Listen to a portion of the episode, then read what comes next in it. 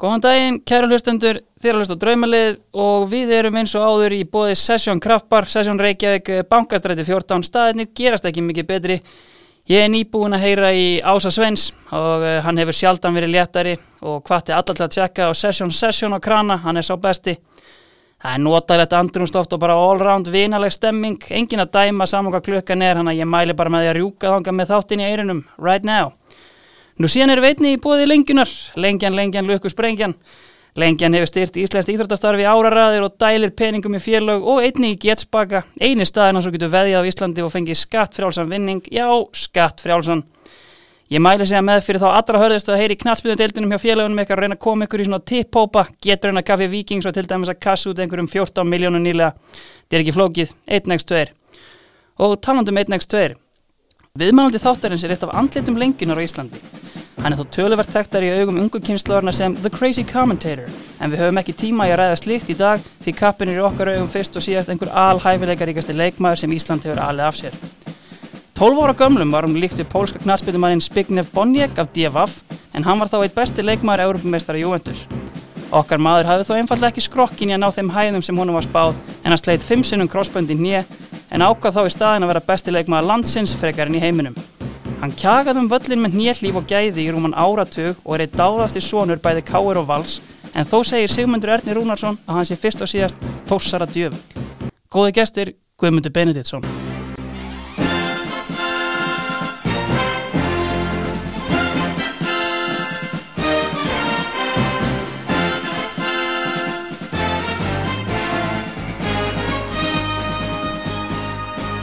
Blessaði komið.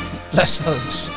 Já, þakka, já, bara þakka þið fyrir. Já, hvernig var þér? Ég hef með tjekkað á þessu viðtali við þig á aðtekisverið viðtali á ringbreyta sem að hérna, já bara svona mjög óvænt eh, Sigmundur er að kynna þig og endar á Þórsara djöfullin Já, Sigmundur er uh, káa djöfull eins og við kvöldum hann en, en hérna, jú, ég er svo sannarlega Þórsari þannig að ólst ólst þar upp, fættist á Akkurir og ólst upp í Þór og, og hérna ber mikla töga til þeirra. Það er svona eitt sem að ég pæli í sko uh, sko varstu aldrei, hvenar hættir að segja Akureyri? Þetta er enda góð spurning ég, ég ég held samt að ég hefi sko fjölskyldan flyttur söður Mm -hmm. þegar ég er flytjum söður bara í tvö ára eða eitthvað þegar ég er 12 ára eða eitthvað Mm og ég ég held að ég hef ekkert geta verið fyrir sunnan hérna með þennan með svona sterkan einhvern norlenska reym En hann var einhvern tíman til staðar alveg öruglega já. Já, já. Ég, ég man nú ekki eftir í sjálfur en hann var öruglega til staðar og, og, og hérna, ég hef öruglega eitthvað viljandi reynd svona að losa mig við hann hérna, þegar ég var fyrir sunnan og, og síðan reynda að flytja frá Akureyri bara 15, 16, 16 ára þannig að og hef bara búið þar síðan eitt sumar eftir það þannig já. og þannig að þetta einhvern veginn þetta dettur ammanni Já. þegar maður er ekki, er ekki hérna inn í ringiðunni herðu, uh, vindum okkur bara hérna í, já kannski fyrst sko hérna, eins og ég komin á hann, búið hérna Session Kraftbar, uh, Session Reykjavík uh, ég meina eftir góðan sigurleik uh, kannski hjá, ég meina Káur var það ekki bara alltaf beint á rauðaljónið eða? Var ykkur aðrir staðir sem að hérna liði hópaðist á? Já, það, uh, sko, það var nú af og til farið á rauðaljóni en, en, en á þessum tíma mm, þegar, í kringu 95-6 mm, þá var uh, nú valstaður sem var nú býstna heitur sem að Dagur Sig og, og Lárus bróðurins rákum kofi Tómas að frænda. Já, já. Þar var ótrúlega oft kíkt inn Já. og hérna það var óbúslega heitur staður hjá uh, fótboltamönnum og bara íþróttamönnum og þarna komu margir íþróttamenn saman á, góðum stundum og, og gott ef að bara ekki fjölmörg sambönd og, og, og þess aftar bara hófust þarna. Þannig að það, það var svona heitast í staðinu fyrir, fyrir, fyrir knastbyndumenn Ég skil. En ég meina bara þá að liðinu. Ég meina uh, þú sendir mér í gær uh, 67 leikmannalisti. Þetta var Já, ég sko, skulum byrja á því bara þú veist, við, þú talaði við mig í fyrra. Já, já, ég gerði það og ég, þú veist, þetta var ekki með einhverjum illum hug sem ég er svona aðeins búin að vera að þessu og að þetta er bara búið að vera gríðarlega erfið Já, ég er búin að hugsa um þetta síðan og, og þetta er bara það stór listi og langur listi af góðum mönnum, Mhm. góðum leikmönnum sem ég hef spilað með og verið mjög heppið með það. Og það hefur bara tekið mér þennan tíma að- að að finna út úr þessu. Ég, veist, ég, var, ég saði líka við ekki aðeins að, að þegar ég var búin að senda svona eiginlega 11 þá, þá fyrirvara með fyrirvara sko, Já, já. um að ég myndi breyta einhverju í nótt en, en, en þetta er ég held þessi komið með þetta og, og, en ég er með hérna, eins og þú segir, þú veist, ég er með 60 manns hérna bara á lista fyrir fram að mig sem að, þú veist, eiga allir svona ákveðin hátt rétt á því að vera í liðinu sann. Algjörlega, herri, ég held sem bara best að við vindum okkur í þetta uh, Markmannstaðan Já, markmannstaðan fyrir mér var reyndar auðveldasta staðan. Já. Það er bara, þú veist, Kristján Finnbóðsson Mhm. er, er svo markmaður sem að ég var lengst með mm og, og hérna vorum saman í K.R. í mjög langan tíma og, og bara óbúslega tröstur svo mikill íþróttamaður líka og hérna ég held að hann hafi geta orðið bara aðburðar íþróttamaður í hverju sem er hverju sem hann hefði tekið sér fyrir hendur hann er bara þannig, hann er eini leikmaður sem ég sé komur aðgerð og á hnje og átti að vera frá í þrjár vikur en, en tvendugum setna var hann komin út á völl á æfingu og, og, var byrja, og eins og Stjáni var, hann bara byrjaði að þruma á marki, það var bara Stjáni sko, þannig bara með einhvern ofur líkama sem að, sem að var ekki takt að, að þú veist, það gæti engin læknir eitthvað verið að segja hún það, hann var ekki klár fyrir eftir þetta sko, bara, líkami var bara, sagði bara já, við erum mættir. Ég hérna, sko talandi bara um svona markmenn og hérna nútíma markmenn og annað þú veist, uh, Arna Gunnlaug sagði mér að sko Gauði Þórðar hefði oft lift hann að vera úti og þú veist, hann vildi vera úti, Já. hann vildi ekki vera markmaður sko. þannig að hann vildi vera sender og ég meina það, það er einmitt sko, Stjáni hefði passað fullkóla inn í nútíma knaspinu líka bara Já. því að hann var fótboltamaður mm og, og, og hefði þú veist, geta verið uppi á öllum tímum knaspinunar til þess að vera bara topp markmaður og, en, en þú veist, þó ég segi að þetta er kannski verið auðvöldasta auðvöldasta fyrir mig að velja þá, veist, þá átti ég frábæra tíma með kjara styrlu í, í, í val. Og, og kjari spilaði líklega sin besta fótbolta myndi ég halda með, með, með val á, á þeim tíma. Andri Hansen kom, kom í káir um tíma sem er nú bara stórt nafn í, í, í Skandinavíu í marki. Og var frábær fyrir okkur á þeim tíma. Gulli Gull var með mér var með okkur í káir hérna. Spilaði ekki alveg heilt tímabil hérna en var meira á bekknum. Já, og Stefán Lógi Magnússon sem, að- sem að ég segi sko þegar ég sá Stefán Lóga fyrst þá held ég að hann yrði okkar bara langbesti markmaður í sögunni. Það er bara svona eitthvað við líkansbygginguna Mm. og Stefán Lóga sem að, sem að sagði mig það. Og ég spilaði með honum reynda bara hérna í raun og veru hálft ár þetta síðasta, síðasta tímanbílum 2009 já, og síðan var ég með frikka frikki Þór já. og Óla P og ég er bara verið ótrúlega heppin með, með markmenn, þú veist, þetta er skrítin þjóflokkur já, en ég hef verið heppin með, með markmenn, margir mjög góðir. Einmitt. En sko hérna uh, Stjáni náttúrulega fer aðeins hérna til um, uh, hvert, Skotlands Jú. eða, já, og, hérna, og líka til Belgíu er það ekki? Jú, En svona kannski engin hérna alvöru atvinnumál fyrir þetta, en svona hvar myndur rankan bara yfir bestu markmenn sem við höfum átt? Sko, Alltaf fullt af landsleikjum? já, já, hann á landsleiki og, og ég held sko, Stjáni fór úr uh, KR í raun og áður en hann var orðin markmaður KR, þá, þá fer hann á skaga Já, til tvítur, Gauja, og verður þar bara meistari bara upp á skaga og, og hérna ég, ég þekki nú Stjána mjög vel.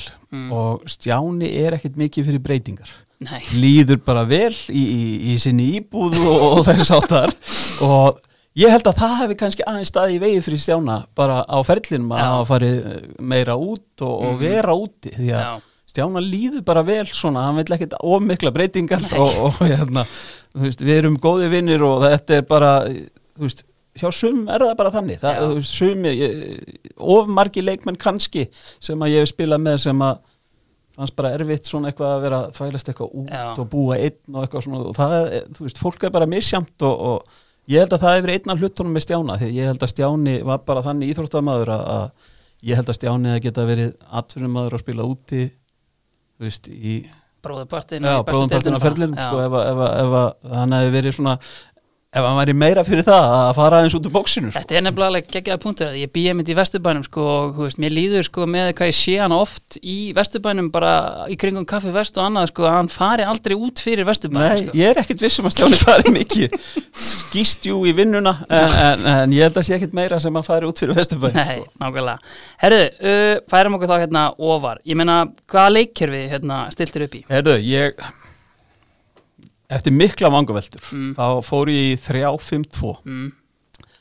og því miður fyrir alla stórkosluðu bakverðina sem ég spila með, það, það mun koma niður á þeim í, í, í þessu liðsvali því að ég, ég bara get ekki haft nógu marga og það eru nú líka kantmenni sem að sem að ég hef spilað með sem að hafa mata mig af og til að, að það er bara því miður þá, þá, þá var þetta svona niðurstaðan því að það eru líka margir hafsendar sem mér langaði að hafa Emmitt. og þeir urðu reyndar að bara lokum þrýr þannig að það eru einhverju 13 sem að eru alltaf fyrir utan sem að gerðu tilkall ætla ég að segja Mhm. en, en, en ég veit ekki fyrsti, sko fyrsti hafsendin sem að ég ég ætla kannski að segja að fyrsti hafsend sem ég langaði að setja í liðið en ég fór að setja mér alls konar reglur því ég var síðan að velja liðið Já. sem að voru alveg fáranlega því ég brautar síðan bara setna þegar ég var komin framar á völlinu og eitthvað svona en, en fyrsta nafni sem ég ætlaði að setja en er ekki í liðinu Mm.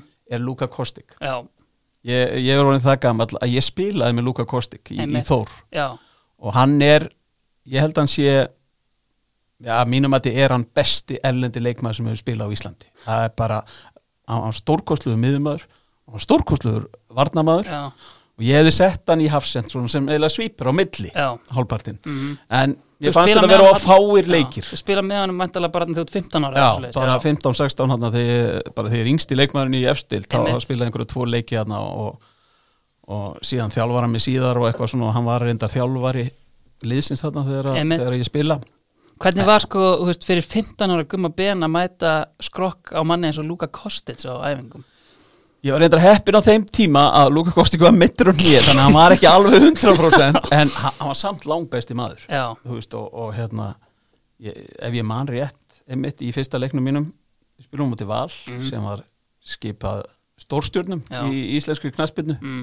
fyrsti leikurinn minn og ég, ég var bara ég var lítill og grannur, ég nú er ég bara lítill og feitt en, en þá var ég lítill og grannur og þú veist, maður bara sá þessa stóru menn sem voru þarna í, í vördinni sérstaklega við töpum með í mann rétt 2-1 fyrir, fyrir vali í þessum leik og Luka skoraður aukarspilna, hann var á öðrum fættunum já, en spilaði samt leikinn og, og hérna, skoraði geggjað markur aukarspilnu og hann var bara hann, var, hann hafði allt mm. staðsetningar og að verjast að, öll fótavinna og Mm. spinnutaknin mm. ég held að það hefði enginn á Íslandi verið með aðra en spinnutakni eins og, og Luka Kostik var með Mm. en því miður þá, þá svona einhvern veginn ákvaði ég að breyta eh, reglunum já, og hérna hann eh, því miður er ekki í þessu liði en hann er á varamannabeknum reyndar fjölmörgum öðrum og e, fyrsti maðurinn sem að ég sett inn var síðan leikmaður sem ég spilaði með í Þór 1994 mm sem heitir Lárus Óri Sigursson já, Lárus Óri Sigursson er er nöyt já, hann er og, það. og það er bara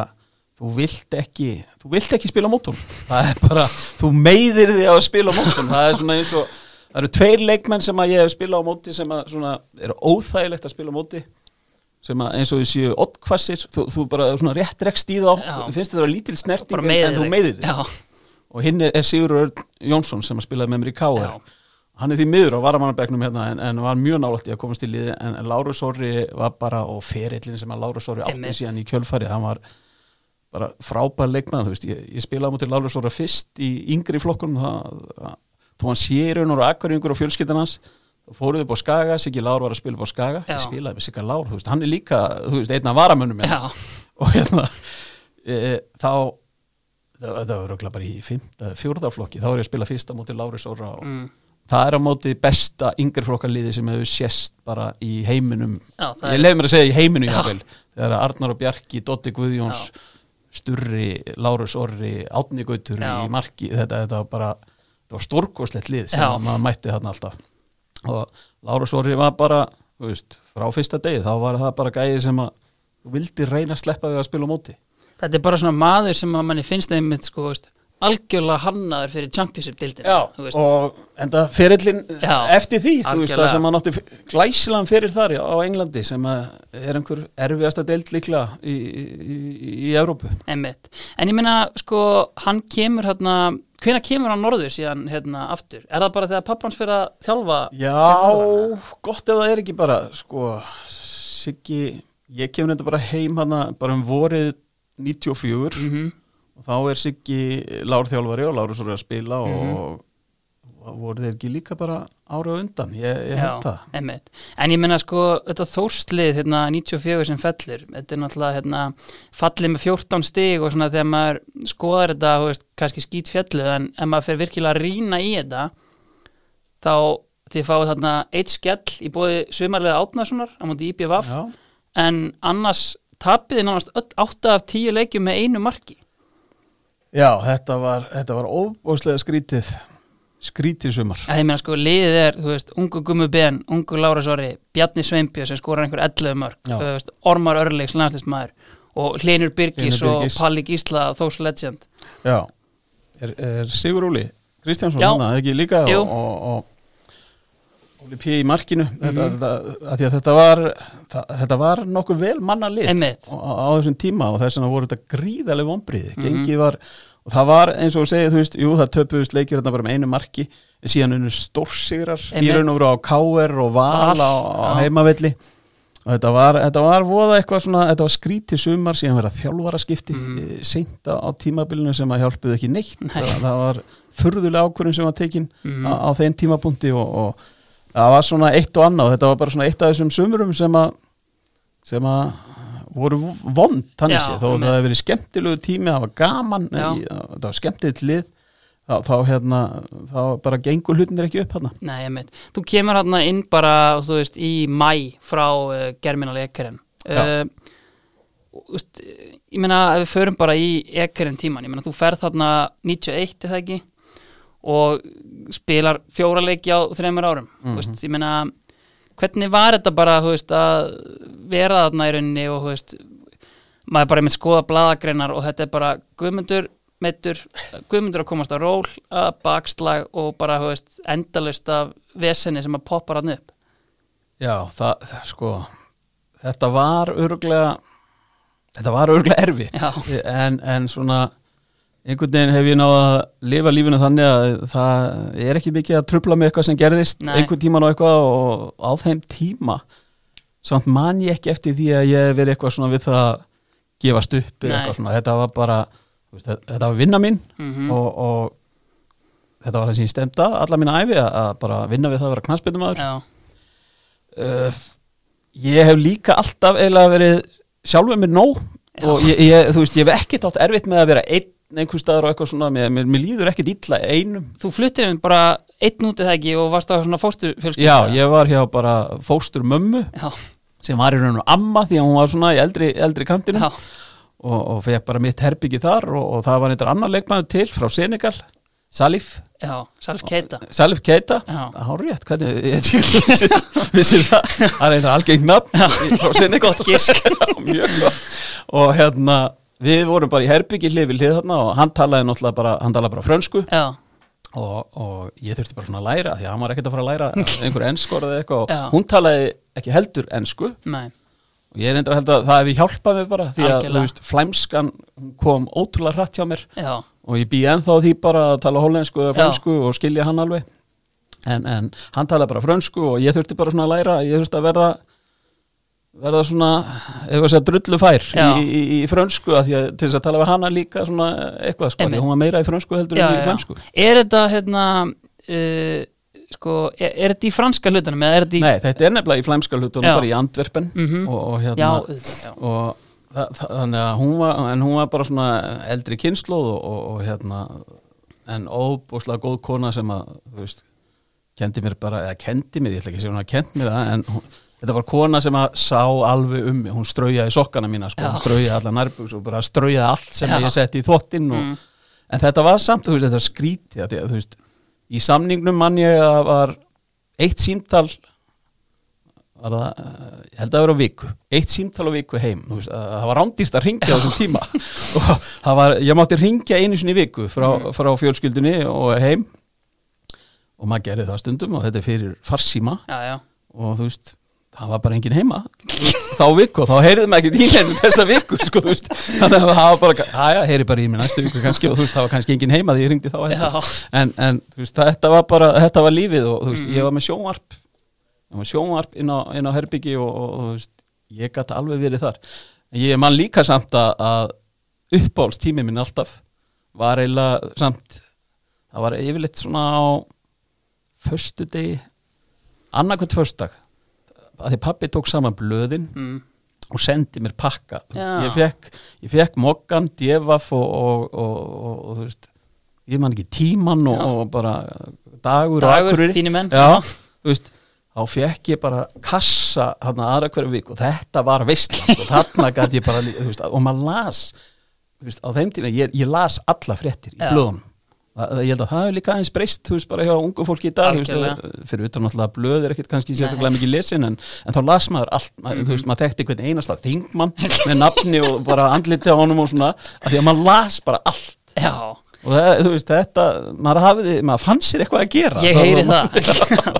En sko, ég meina ekkur er náttúrulega þú veist, ég meina þeir vilja halda þér meiri segja sko eftir allt þetta og þú veist, þegar þú kemur aftur í þór veist, þá ertu með tilbóð frá þeim er það ekki rétt? eða? Jú, uh, það var alveg ótrúlegu stuðningur Já, og, og einhver, einhverja trú höfðu þeir á mér Já. og, og hérna, þrátt fyrir öll þessi krossbandaslít og, þú veist og þú segir einmitt, þú minnist á þú veist, ég spilaði ekki nema fjóra eða fimm leiki hérna Mhm. með aðaliðinu ég spilaði alveg slatta með varaliðinu og, en hérna, það var samt hann bara um leið og ég var að koma svona í mitt form þá kom eitthvað annað bakslag og, þú veist, og skipti, sleit fyrst á hægri ef ég mann rétt og, og síðan þrísvaratna á vinstri Mhm. og, og síðan heima reyndar einu sinni mm, þetta var samt, þú veist maður mað held maður alltaf að komast yfir þetta Já, já. en, en þetta var samt á þeim tíma að það voru ekkert margir sem komast yfir það að slíta krossband nei. margir þurftu bara að leggja skóna á hilluna á, á, á þeim tíma en, en uh, þetta var samt þú veist, ég fór í aðgerir hjá færistu læk færustu læknunum og þú veist, þetta voru bara læknar sem voru að fá stæðstu stjórnur knastbundna til sín til, til Antwerpen, Dr. Martins og, og, og de Klerk ef ég mann rétt hétu þeir eða heita mm, og hérna, þannig að það var veist, það, það var allt reynd til þess að, að hafa mig á fótum en, Mm. en, en því miður þá bara gekk það ekki og ég svona eftir þessi þarna fjögur ári eða þrjú, þrjú og hálft ári eða eitthvað þarna, það, þú veist, þá varð ég held ég bara ég þurfti að koma heim bara Já. til þess að ná aðeins andanum því að Mhm. þú veist, var, auðvitað var maður aðeins þreyttur sko að þetta væri ekki að ganga og, og þessuna var það var ótrúlega sætt þráttur að þetta hafi verið erfitt sumar fyrir mig að spila ég spila alla leik en þú veist ég var ekki orðin löglur í fyrsta leiknum Mhm. með mann rétt á móti Já. FH en ég held ég að spila alla Já. aðra leiki og, Mhm. og, og það var bara það var sigurinn fyrir mig sko, Já. þú veist að því að ég var að hugsa um líka bara ná, ná ferlinum aftur á stað og, og, og það var bara það, það var svo sætt að geta að spila hann að leikja á þess að vera mittur já, germina leikarinn hann sumari 94 leysaði á holmið með mástu hverjum, veistu hverjum? Þetta er skemmtilegu hvað ef leikur sko. Já, Já. eða, þú veist þannig að hérna, ég man nú ekki nákvæmlega hver en þú veist Tómas Ratsinski Tómas Ratsinski var hann sko, Já. þú veist, það voru nefnilega það voru, ég var hann með risa nöfnum og það, það var líka annars ég ákvæði hérna í reglunum mm, þó ég hafi spilað með ákveðnum leikmunum þarna mm þeir, þeir komast ekki hér Nei, nei. í, í þetta lið. Þú veist, Simon Tahamata það, það er nafni sem kemur fyrst upp í hugan Já, Simon Tahamata er líklega besti leikmaður sem ég hef æft og, og spilað með. Mm að bara hann kendi mér svo mikið og síðan voru aðri þú veist, Nico Klasen ég mannst þetta úr honum Nei, reyndar ekki belgísku landslismæður Já. sem, að- sem að Tottenham kefti tíðan og það gekk ekki á Englandi og hann Mm. kom og spilaði eitt tíðan byrjum Já. okkur og það voru svo skemmtilegi karakterir og Já. svona, þú veist að- það það voru margir skemmtilegir hann en, en, en Tómas, ég, því miður hitt ég ekki Tómas Herði, uh, vindum okkur þá bara í hina hafsendina og mátt ráða hvað hann tekur Herru, við byrjum í bara hans ég ætla að hafa á milli. Uh, það er bara káeringurinn uh, hann uh, ég, held að mun engi segja að hann hafi verið besti knarsbyttumöðunin eitthvað. Nei, en einn besti liðsfélagi sem hún getur haft Mhm. og, og bara traustasti maður heims. Ég ætla að setja hann bara í þann flokk. Og, og hérna Þormóður Eilsson er bara maður sem að ég myndi alltaf setja í mitt lið ef að og, og þú veist það eru örgulega margir fyrir utan sem að hafa ekki spilað með káir eða eftir með, með, með, KR, eh, með móða sem að finnst það eitthvað skrítið val en, en ég held að hver einasti maður sem eru eftir að spila með Þormóður Eilsinni mm. myndi setja hann í lið þetta er einmitt svona, þú veist, mm, alltaf ungur ég í rauninni til að svona, þú veist, pæla bara svona í þormóði sem knattspytumanni, en þú veist, auðvitað náttúrulega bara saminningatákni Já. og allt svoleið, sko, en þú veist, bara svona, hvernig leikmaður, svona, þú veist, náttúrulega grjótharður, grjótarður og þú veist bara svo mikill liðsmaður og var tilbúin að hjálpa öllum þú veist var fyrirliði og það er svona pappa fílingur já, í honum. það er bara nákvæmlega þannig Já. og fór svo vel með að vera fyrirliði Mm. að, að þú veist hann hafði engan áhuga að tapa bara engan sem betur fyrir ekki spila með mörgum sem hafa mikinn áhuga að tapa. En, en hann, fór bara svo vel með það auðvitað, hann var veist, hann leta alveg menn svona heyra það Já. en á þannig hátt að það fór enginn í fílu sko. Nei, nei, nei, veist, menn, menn tóku því þannig og þetta var líka móði, þegar móði var að tala við því Já, þá ertu ekki að fara í einhverja fílu sko, veist, og bara tekur það til þín og, og, og hvort sem var að skamma þig eða hvað það var ef hann var óanað með eitthvað þá, alveg fegst að vita af því en, en, en þú líka gerðir allt sem gast til að hafa ekki móða óanað með þig því að þú, þú hefur bara engan áhuga á því Nei. það er bara það góðum maður að þú vilt ekki að hann sé óanað með þig Nei. og, og þetta er bara gæði sem að vilt hafa í þínu liði og, og, og, og þú veist hann, verður aldrei settur á neitt lista yfir flinkustu leikmenni eða þess áttar. En hann er efst á lista yfir karaktera og, og bara gæði sem að læði sig 100% í hvern einasta leik Mhm. hver einustu æfingu Mhm. og það er bara, þú verður að hafa þannig menn í liðinu og kannski náttúrulega bara ótrúlega sætt sko, hérna, úst, að hann er síðan maðurinn sem að kemur með titilinn eða hann er fyrirlið Íslandsmeistara K.R. hérna 99 Já, það, bara, það átti engin það meira skil Nei. eftir en Þormáður Eilsson 99 að, lifta byggarnum og, og bara, það kemur ennþá svona smá gæsa húð í mér bara þau tala um það, bara hann hafi fengið það því að það voru ómargir veist, káringar sem kannski áttu að skili sem að fengu ekki að taka Mhm. þátt í því. Algjörlega. Herru, hver er síðan síðasti maðurinn í vörðinni? Herðu, síðasti maðurinn kemur kannski úr uh, eiliti óvæntri átt kannski ekki fyrir þig. Nei, en hann kemur frá Skotlandi já, og hann heiti Barry Smith. Já, Barry Smith kom í, í val uh, 2006 2006 og verður meistari með okkur 2007 og Barry Smith er sko, ég get alveg viðkjönd það. Barry Smith kom og byrjaði að æfa með okkur. Og eftir tvær æfingar hugsaði ég ég er ekki vissum að þessi að fara að gera það fyrir okkur sko.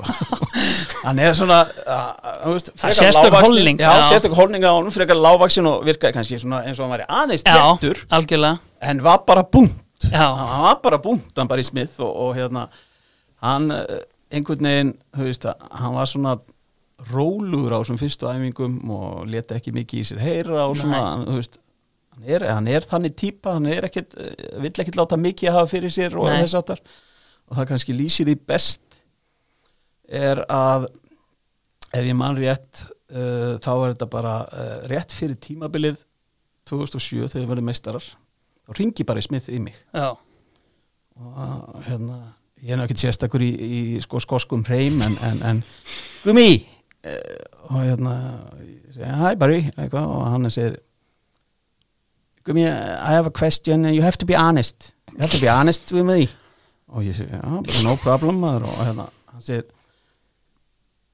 why does Valur wanna get rid of me? Og ég segi Valur, Valur hefur engan áhuga að losna við þig. Já, og hérna, að að hverju þetta spyrja þessu?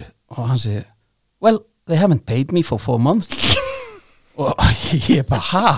Hvað, hérna, já, er bara voru ekki búin að borga um í fjóra mánu já, og ég segi, bara, Barry, sko nú ætla ég, ég ætla að fá að ringja neitt síntal ég skal bara aðtöða þetta, það, það, það lítur að vera ég veit ekki hvað er að gerast mm Mhm. ég vissi það að það var ekkit vesen það var ekkit fjárhastlegt vesen og eitthvað svona hjá, hjá val. Mm, og ég ringi í framkvæmstjórun og þá kemur í ljós að Valur skiptum viðskiptabanka mm, og einhvern veginn datt nafnið hans Barry út. Já, þannig að hann var ekki búin að fá í fjóra mánuði greitt.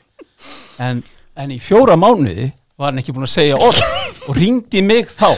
Veist, og veist, þetta bara lýsir gæjanum veist, ekkert vesin á Nei. Og bara svona vildi vita eftir fjóra mánu ja, akkur vildi losna við hann sko, þetta var greinilega eitthvað sem að veist, hann þekkti úr Skotlandi. Að menn fekk ekki greist í fjóra mánu þá var greinilega að reyna að losa sig við hann. En þe- þetta finnst mér bara lýsa honum mjög vel. Mhm. og ég fannst hann bara vera þú veist, ha- hann var frábær liðsmaður, frábær Mhm. gæi að hafa í liðinu sínu og bara veist, alls ekki svo fljótasti Nei. en bara las leikinn og, og, og síðan líka bara þau skoða ferilina Já, já. það er engin tilviljun að- Barry Smith uh, átti svona feril sko, þetta er bara, þetta er í já, skosku sko. bara alvöru gæi sem, a, sem að nýttist okkur óbúslega vel og, og, og hérna, ég get alveg sagt þér það að ég reyndi að fá hann síðan aftur, veist, ég var farin að þjálfa Já, og þá var hann orðin sko, okkur árum eldri líka Já. eh, og reyndi ég að fá hann og ég var svo anskotin nálægt í að, að platan, platan heim á Selfoss Já.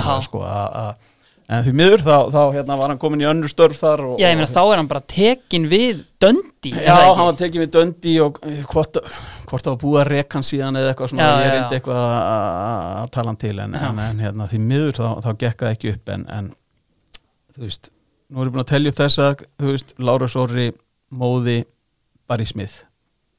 En þú veist, ég er með menn hérna sem annars skoti David Vinny sem Já, kom já. og gerði mjög mikið fyrir okkur í, Mhm. í Káir Óskar Rapp, þjálfari Blika sem að Já. spilaði með mér hérna fyrsta Mm. árin í Káir sem að að bara, þú veist Hversu góður var Óskar Rapp? Óskar var nefnilega sko, Óskar var sender Já, emitt til að byrja með og í, í yngri flokkum var hann sendur og bara marka vel Mm. skoraði og skoraði fyrir K.R. og, og Óskar var sko líklega fljótasti leikmaður Íslands bara á þeim tíma alveg ösku fljótur og, og hérna. Síðan einhvern veginn verður það úr að hann færi sér aftar á völlin og verður bara orðin hafsend og, og, og Óskar var náttúrulega sko hann var granít og er granít harður Já. sko, hann var alveg tilbúin að fara í gegn. Ef það þurfti þá Já. var bara að farið í gegn og, og hérna.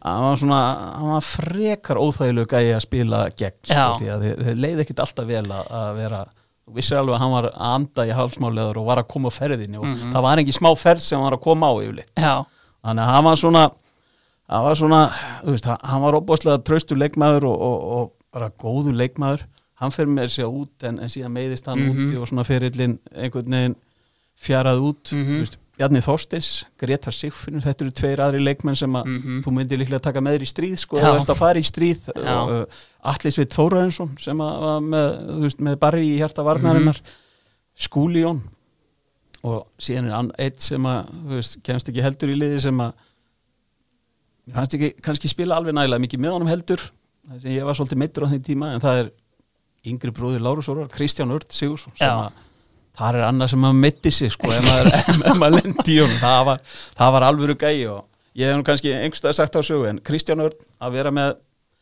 Kristján Ört og Veigar Pál í sama liðinu. Já, ég, þú veist, ég bara glemdi mér og horfði bara á æfingarna þegar þeir voru að kljást. Þar voru tveir gæjar sem að gáfu ekkert eftir það var óbúslega gaman að fylgjast með þeim æfa gegn fórum öðrum af því að þeir voru alltaf viljandi settir í sitt hvort liðin þegar við fórum að spila.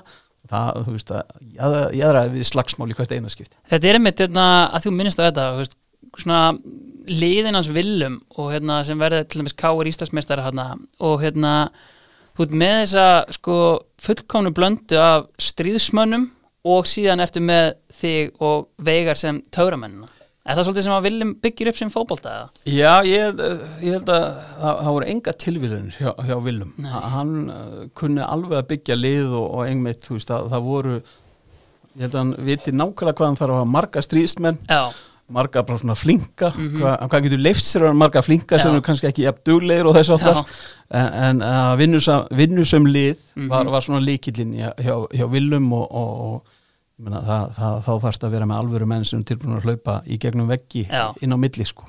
En hérna, eins og ég kom inn á í byrjun uh, yðnaðamaður leysins í bóði Bíkó ég meina Barry, mörg hundru leikir í næsta eftir deild í Skotlandi og eftir deild og spilaði byggarstuleiki skóska byggarnum geggjaði gæði með geðegan skóskan hreim og ég meina, ég fannst ekkert annað komandi grein en að verja Barry Smith sem yðnaðamann leysins í bóði Bíkó hjá Gumma Ben. Ég held að það sé mjög sangjast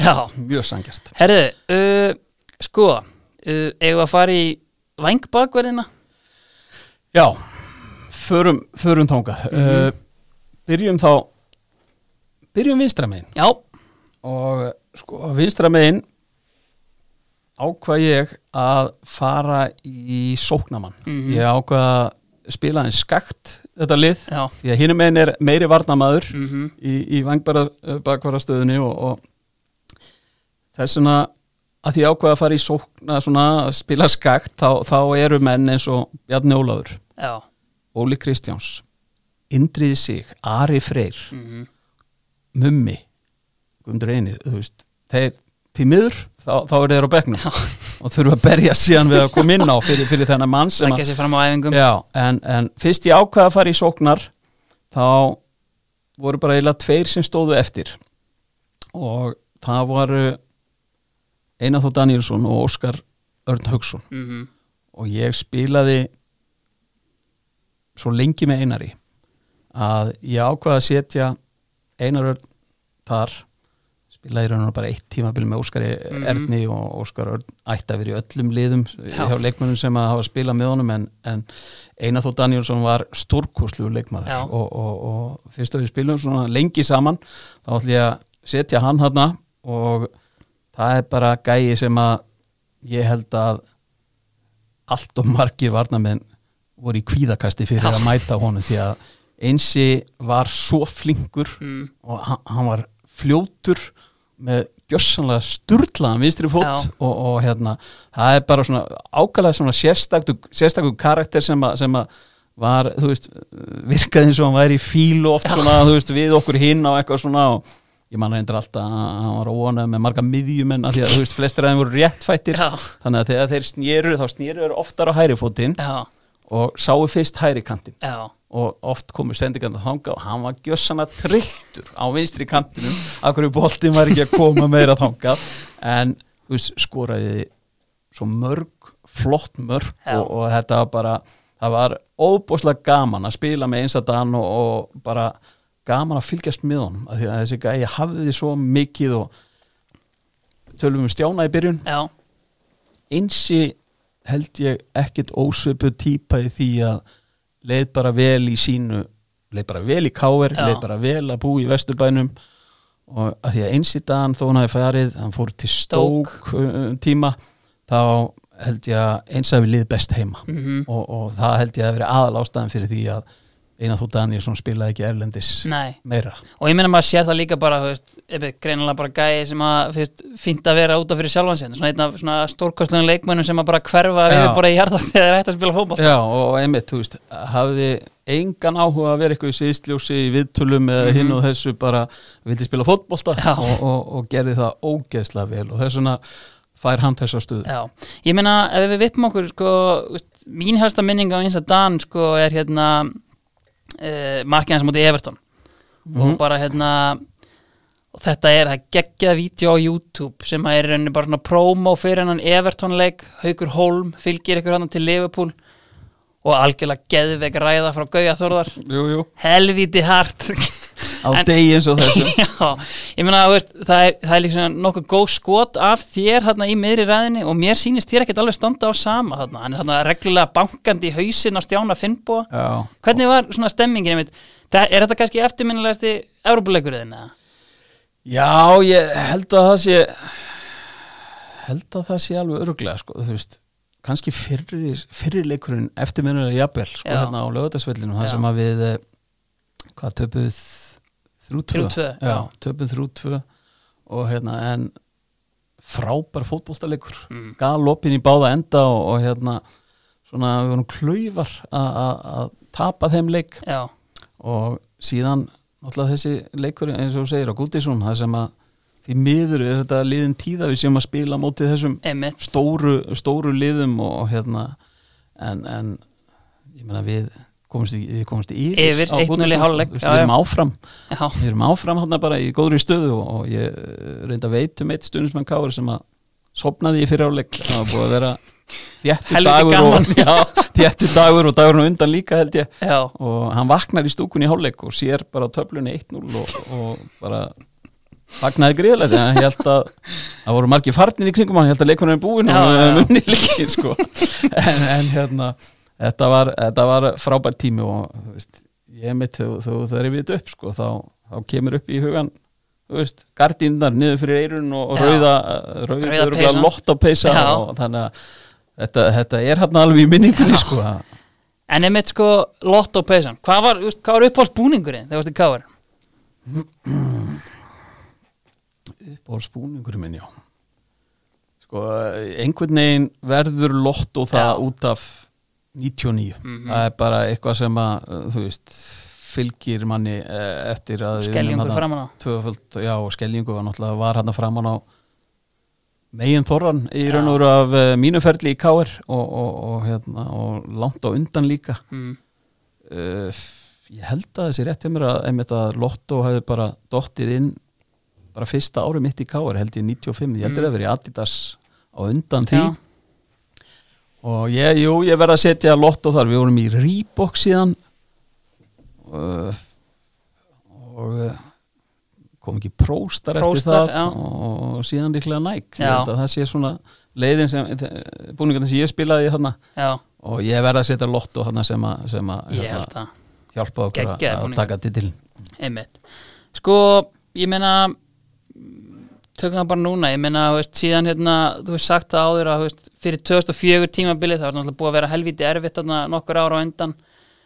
Svona, þú veist, en þú er mitt talað við Gauta lækni og bara hérna, herðu keiri mitt í gang, var svekkjandi einhvern veginn að síðan, þú veist, spil ekki meira en þú gerir og mikið inn að bekknum og, og svona, fannstu, þú veist, snemma að, þetta er síðast tímabilið mitt og hvað var í bili? Sko, ég, ég var ekki einu sinni samfæður um að, um að ég er í Káir 2004 því að veist, það, ég var bara samningslaus því ég Mhm. fyrir Gauta, Greta svona sjúkraþjólara og, og hérna og bara segi við hann, ég vil taka eitt tímabil eitt tímabil í viðbót, þú er að hjálpa mér bara hérna, ég vil ekki fara einhvern veginn út svona bara Mhm. og Gauti náttúrulega eins og hann er elskar svona einhverja challengea og, og hérna, við fyrir að stað bara hérna og ég æfði hjá hann bara tvisar á dag og mm. yfir veturinn að að ég vildi bara eitt tímabil og, og ég var ekkert í raun og veru, ég var ekkert að hugsa um þannig sé K.R. frekar en eitthvað annað því að ég, ég mann ég, ég talaði við Steina Gísla, Steina Gísla var komin í Vík eða Steina Gísla talaði við mig þegar Já. hann frétti að því að ég var eitthvað svona Mhm. uh, gott að Siggi Jóns var ekki að þjálfa Mm. og ringi bara í mig og hvort ég sé ekki til að koma að æfa eins með þeim og þetta var bara um vorið sko, þú eru konin á gras í manni vorum að æfa upp í Mosó Tungubökkum og hérna, ég held ég að fara einhverja tværi að þrjá ræfingar með Viking þar og síðan einhvern veginn út frá því ringir Willum og, og segir, heyrðu ég kom á æfingu eitthvað og, og ég kom á æfingu þar og, og síðan var bara með, með bóðin samningur, þú veist, yfir sumarið Já. það sem að sem að sem var ekki samningu þannig séð sko en, en þú veist bara samningu samt Já. og hérna og það endaði með því að ég grótaði undir það og hérna alltaf að taka þetta eina tímabil og, og, og jú, ég get alveg sagt það að ég var ég taldi mig geta að spila meira og, og hérna var svona aðeins aðeins súr með það en, en, en við vorum reynda með leikmenn hérna í öllum stöðum sem töldu sig geta að spila alla leiki líka sko, veist, gott við Arnar Gunnlaugsson var ekki komin, Mm. komin þarna líka og var, var Siggi Rækki já, er það ekki bara? Gott, eh, gott ef ekki líka og þetta voru kannski svona þeir voru svona eiginlega undan mér í Já. gókunaröðinni þetta tímabil og, og þú veist það var samt alveg skiljanlega, ég kom bara inn í, í, í mæi eða eitthvað og, og Mhm. byrjaði að æfa þá og ekkert búin að æfa fótbolta í, í tvö ár þannig sér og þú veist, ég, ég skilða alveg en ég var samt súr, þú veist, maður Já. bara maður vildi spila já, leiki og, og byrja leiki og, og hérna, en það var bara hluti að því og, og hérna síðan eftir eftir það síðan um hausti þá var hins vegar ljóst að, að, að þeir töldu sér ekki þurfa á mínum kröftum að halda og skiptum þjálfara náttúrulega Já, Veilum var, var hérna, hætti og, og, og í, í kjölfarið var alveg ljóst að þeir voru ekki að fara að bjóða mér einhvern samning. Nei, þannig að þá var maður svona ákveðnum krossgötum í, Mhm. í, í, í, í knaspinu lífinu mhm. er alveg ótt að segja og það kannski færir okkur yfir í hægri Það er hár rétt kant, kant bakkurinn sem að já, og, og hérna þarna eins og ég sagði áðan sko, þú veist, ég ætla að vera aðeins varnasinnari þarna. Já, en ég var samt svo marga góða hægri kant menn sem að ég spilaði með. Ég nefndi þetta Sigga Örd sem ég hefði getað notað þarna sem en, en uh, því miður fyrir Sigga og, og, og Hilma Björnsson sem var í raun og veru var kantmaður með mér lengi vel í KR og var síðan bakvörður þannig að hann geta verið fullkomin, fullkomin líka í Já. þessa stöðu. Sissi Júl, góðu vinnu minn sem, að- sem að fór sömu leið, var kantmaður og var síðan bakvörður og, og svona. Ormar Örlugsson, við myndumst á hann. Mm hann var í landslýsklassa og, og ég spilaði með honum þetta eina tíma Baldur Aðsteinsson sem að uh, var óbúslega gott að spila með. Já, en niðurstaðan er hins vegar að Birkir Már Sævarsson já, verður kant bakvörður hérna hægra megin og á það eiginlega bara engin meira skilið því að, því að veist, Birkir Már er ungur fljótur leikmaður þegar ég kem í val 2005 spilaði nú kannski ekki rosalega marga leiki fyrsta tímabilið. Ég held að bara spila einn eða tvo leikir Já, nokkra, en, en var að æfa með okkur og var svona gæ, eini gæðin sem var að koma upp sem að já, já, var að fara að gera eitthvað og, og hérna en síðan bara eftir því sem æfingarnir eru fleiri leikinni fleiri, árin fleiri þá þá bara síndi það sig að vindurinn bara fljótasti maður Íslands já, hann bara að hafa hann þarna var draumur fyrir mann sem var svona komin á eldri ár. Já, mann sem að gætt kannski tekið á móti boltanum og skilt honum aðeins og en þurfti síðan að fá hjálp Já. og hlaupi kringu sig mhm, þá var Birki Má Sæfarsson bara hinn fullkonni maður fyrir mig að eiga Já. og geta sett hann bara upp í hotni og hann fór á stað og, og náði ótrúlustu sendingum sko. og margir töldu að margar sendingar það verið mjög góðar en það voru ekkert svona góðar sko. Það var bara með hraðanum náðan þessu öllu En þú hefði myndi segið það og veist, hérna, ég er náttúrulega fengið Birki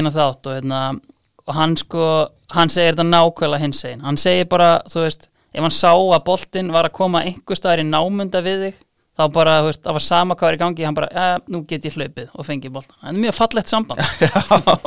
en það var, ég get alveg sagt að það var mjög þægilegt að því að þú vissir það bara að þú gafst sett hann hann að stað og veist, ég get samt, sagt líka það sama eða með Bjarna Ólaf því að Já, með Bjarna þá vissi ég að Bjarni, Bjarni var kvartu til þess að fara á stað og fara upp og, og ég vissi get alltaf fundi Bjarna því að hann var alltaf komin í stuðning já, við mig og, en, en, en Birkir og líka bara hvað Birkir gerði síðan mhm, ferlinu Já, sem já. finnst mér bara stórkostlegt og ég get alveg sagt það hér að, að mér finnst það fáranlegt að við séum að prófa einhverja aðra menn í hægri bakvarastöðu í landsliði já, því að hann er okkar, ennþá okkar besti hægri bakkur og þú veist, mér er nákvæmlega sama þó hann var að spila í inkassodeildinni. Hann er ennþá besti hægri bakkurinn okkar. Já, þá bara spilum við honum í landsliðinu. Þetta- hvað er þetta, 70, 80 landsleikir? En rúmlega 90, já. já, rúmlega 90 landsleikir.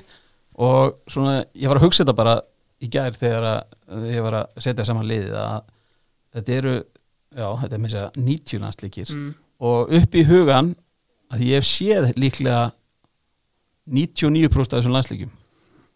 Upp í hugan koma kannski þrý landsleikir þar sem með hans Birkir ekki vera minn besti Birkir. Hittur 87 landsleikir Já. þá? Og, og það er bara, ég, get, ég held að allir aðri landslismenn hefði átt fleiri lélega landsleiki heldur en Birkir Má potjett. En ég meina, þú veist, kemur hérna inn í val haustið 2004, eins og nokkur sinni sagt, sko, nokkur sinni sagt, sko, hlutabrifin kannski ekki hái Guðmundur Benedikt sinni. það er bara mjög lág. Var eitthvað... það var hrun var eitthvað annað lið sem að hafi sambandið þig? Veistu, ég man ekki til þess á þessum tíma. Nei, ég er nefnilega ég held þú veist, ég, ég vona ég sé að gleyma einhverju en ég held í alvöru ég man ekki til þess að, að það hafi það hafi verið nokkur eftirspurn mm. -hmm. En það sem að sko, ég meina Valur er að koma hérna upp uh, voru náttúrulega kannski sumari áður búin að fá Garða Gunnlaugs sem þá var svona, veist, óskrifa blað einhvern veginn en, og ég meina átti ekki þannig gott tímabili fyrstu deildinni en síðan, veist, koma hérna kemur innspýting, ég meina Atli Sveitni fenginn, Greta Sigfinnur með honum mm -hmm. uh, Stein, Steinþór Gísla kemur aftur og hérna og, Kæri í marki Já, algjörlega og þú í rauninni kemur kannski inn með svona ég ætla að segja bara svona winning mentality er það sangjant? Var það kannski það sem að veist, í hann hóp, hvernig svona strækaði hópurinn þegar þú komast inn í liði? Já, ég, veistu, ég held ég held að það sé kannski ágætlega orðað, veist, og þá ætlum ég ekki að segja að ég hafi verið einhver, veist, einhver vinninin sem hafi verið eitthvað að smita eitthvað. Mm, en mér fannst samt einmitt svona vantaðins. Kem, kemur Sigþór kemur hann eh, Sissi Júl kemur á sama tíma. kemur á sama tíma. og ég, já, ég mitt að því ég man eftir smá samræðum sem við áttum. Mm. þegar var bara eiginlega stutt í tímabili svona mánuð fyrir fyrsta leik kannski. Þá vorum við að æfa einhverstaðar ármannsvellið eitthvað og, og hérna það var svona æfing og var ekkit sérstök æfingin einhvern veginn það var svona vantaði eitthvað, eitthvað power í hana Mhm. og hérna við sátum þarna ef- eftir æfingu og, og vorum að ræða þetta þess að, að þetta sé ekki í lægi sko, að bara, eins og mönnum var í sama Mhm. í spilinu eins og ákveðum mönnum var í sama hvernig Já. leikurinn færi bara í, á, að þetta var æfing Já, og við ákveðum þarna á þessum tímapunkti að bara á næstu æfingum þá ætlum við að vera leiðilegir bara að vera leiðilegir og láta aðeins heyri í okkur mm Mhm. aðeins að láta menn aðeins að íta í menn Mhm. að þetta væri ekki lægi að því að þetta var svona, þú veist, þetta var búið að erfi ár hjá, Já, hjá já. Val, þarna í nokkuð mörg ár þá var Valur að koma aftur upp þarna, þá voru þetta búið að erfi ár og eftir fyrsta fallið og svona að, hérna, og það var svona það var smá tóði í einhverjum en, en, og ég vona það að þetta er svona aðeins tekist hjá okkur þetta, því að við, við, á, ég man svo vel þegar við ákvöðum þetta að, að hérna, við myndum aðeins vera leiðilegir á æfingum og láta aðeins menn heyra það að Mhm. þau væri ekki að uh, leggja sér fram eða þú veist, væri ekki smá vildum bara fá smá skap í það og það, mér fannst nefnilega það aðeins vanta í nokkra hérna, leikmenn sem voru kannski uppaldir í val og svona Mhm. vantaði svona smá skap, svona Einmitt. smá reyði Já, já, já, og, og hérna ég held að það hefði bara, já líklega tekist ágætlega af því að þetta voru óbúslega góðir já margir hérna, Mhm. inn á milli en þú veist, vantaði þetta bara svona aðeins ekstra mhm, og, og þess vegna var óbúslega ánægilegt þetta tímabil 2005 og, og ég, ég segi það að þú veist, við vorum reyndar að keppa við eitt af já. við vorum að keppa við eitt af gullliðunum í íslenski knaspindusugu því að mhm. Þetta 2005 lið hjá FH var eitthvað albesta lið sem að ég hef séð Já. á, á Íslandsmótinu mhm, og, og hérna, annars sæti en, en Einmitt. náttúrulega bara gerði allt betra Já. og, og hérna, þess vegna var það óbúslega sætt að, að ná, hérna, ná byggar með, með val strax á fyrsta ári og það er svona held ég hafi kveikt aftur í val Algjörlega.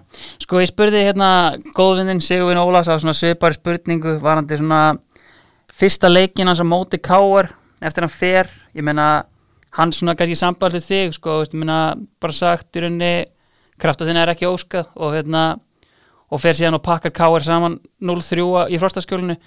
Ég meina veist, ég las viðtöl við þig, veist, þetta er bara eins og hver annar leikur en getur þú sagt mér að núna? Þetta var ekkert eins og hver annar leikur.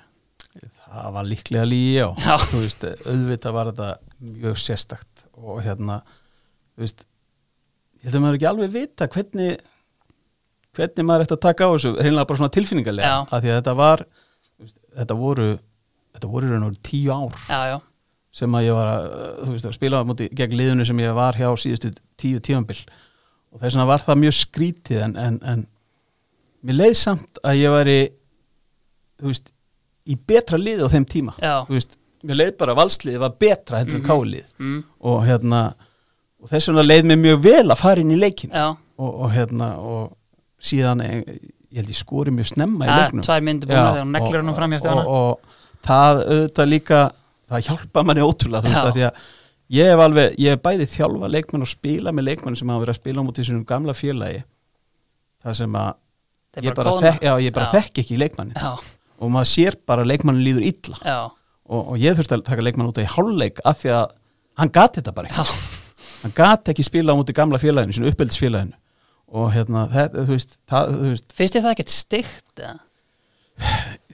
Jú, en, en síðan komum við þá bara aftur að því, þú veist, að, að við erum svo misjafnar personur Já. öll að, að það, þetta hafði greinlega bara meiri áhrif á, á þennan leikmann heldur Algjörlega. en um, flesta aðra og eitthvað Mhm. svona, en þú veist, tilfinning að vera sem, að, sem að bara réð ekki við það. Þetta er einmitt mjög fyndið að því, veist, með þessar típur sem þú með akkurat öfugu típurnar gæðina sem að verast alltaf skora á móti sínum gamlu félagum, sko. Ég, ég held að það sé algengara. Að, að, maður finnur það veist, að því að maður er búin að lýsa núna 100.000 leikjum að þegar maður er að sjá einhverja leikmenn mæta sínum gömlu félum að, það gerist veit að það er skori og, og þess vegna er það bara veist, að, það, það virðist gefa flestum leikmennum aukakraft Mhm. að, að spila gegn sínum fyrir félum og sérstaklega kannski ef að, ef að endurinn var þannig að, að það var ekki þeirra val. Einmitt.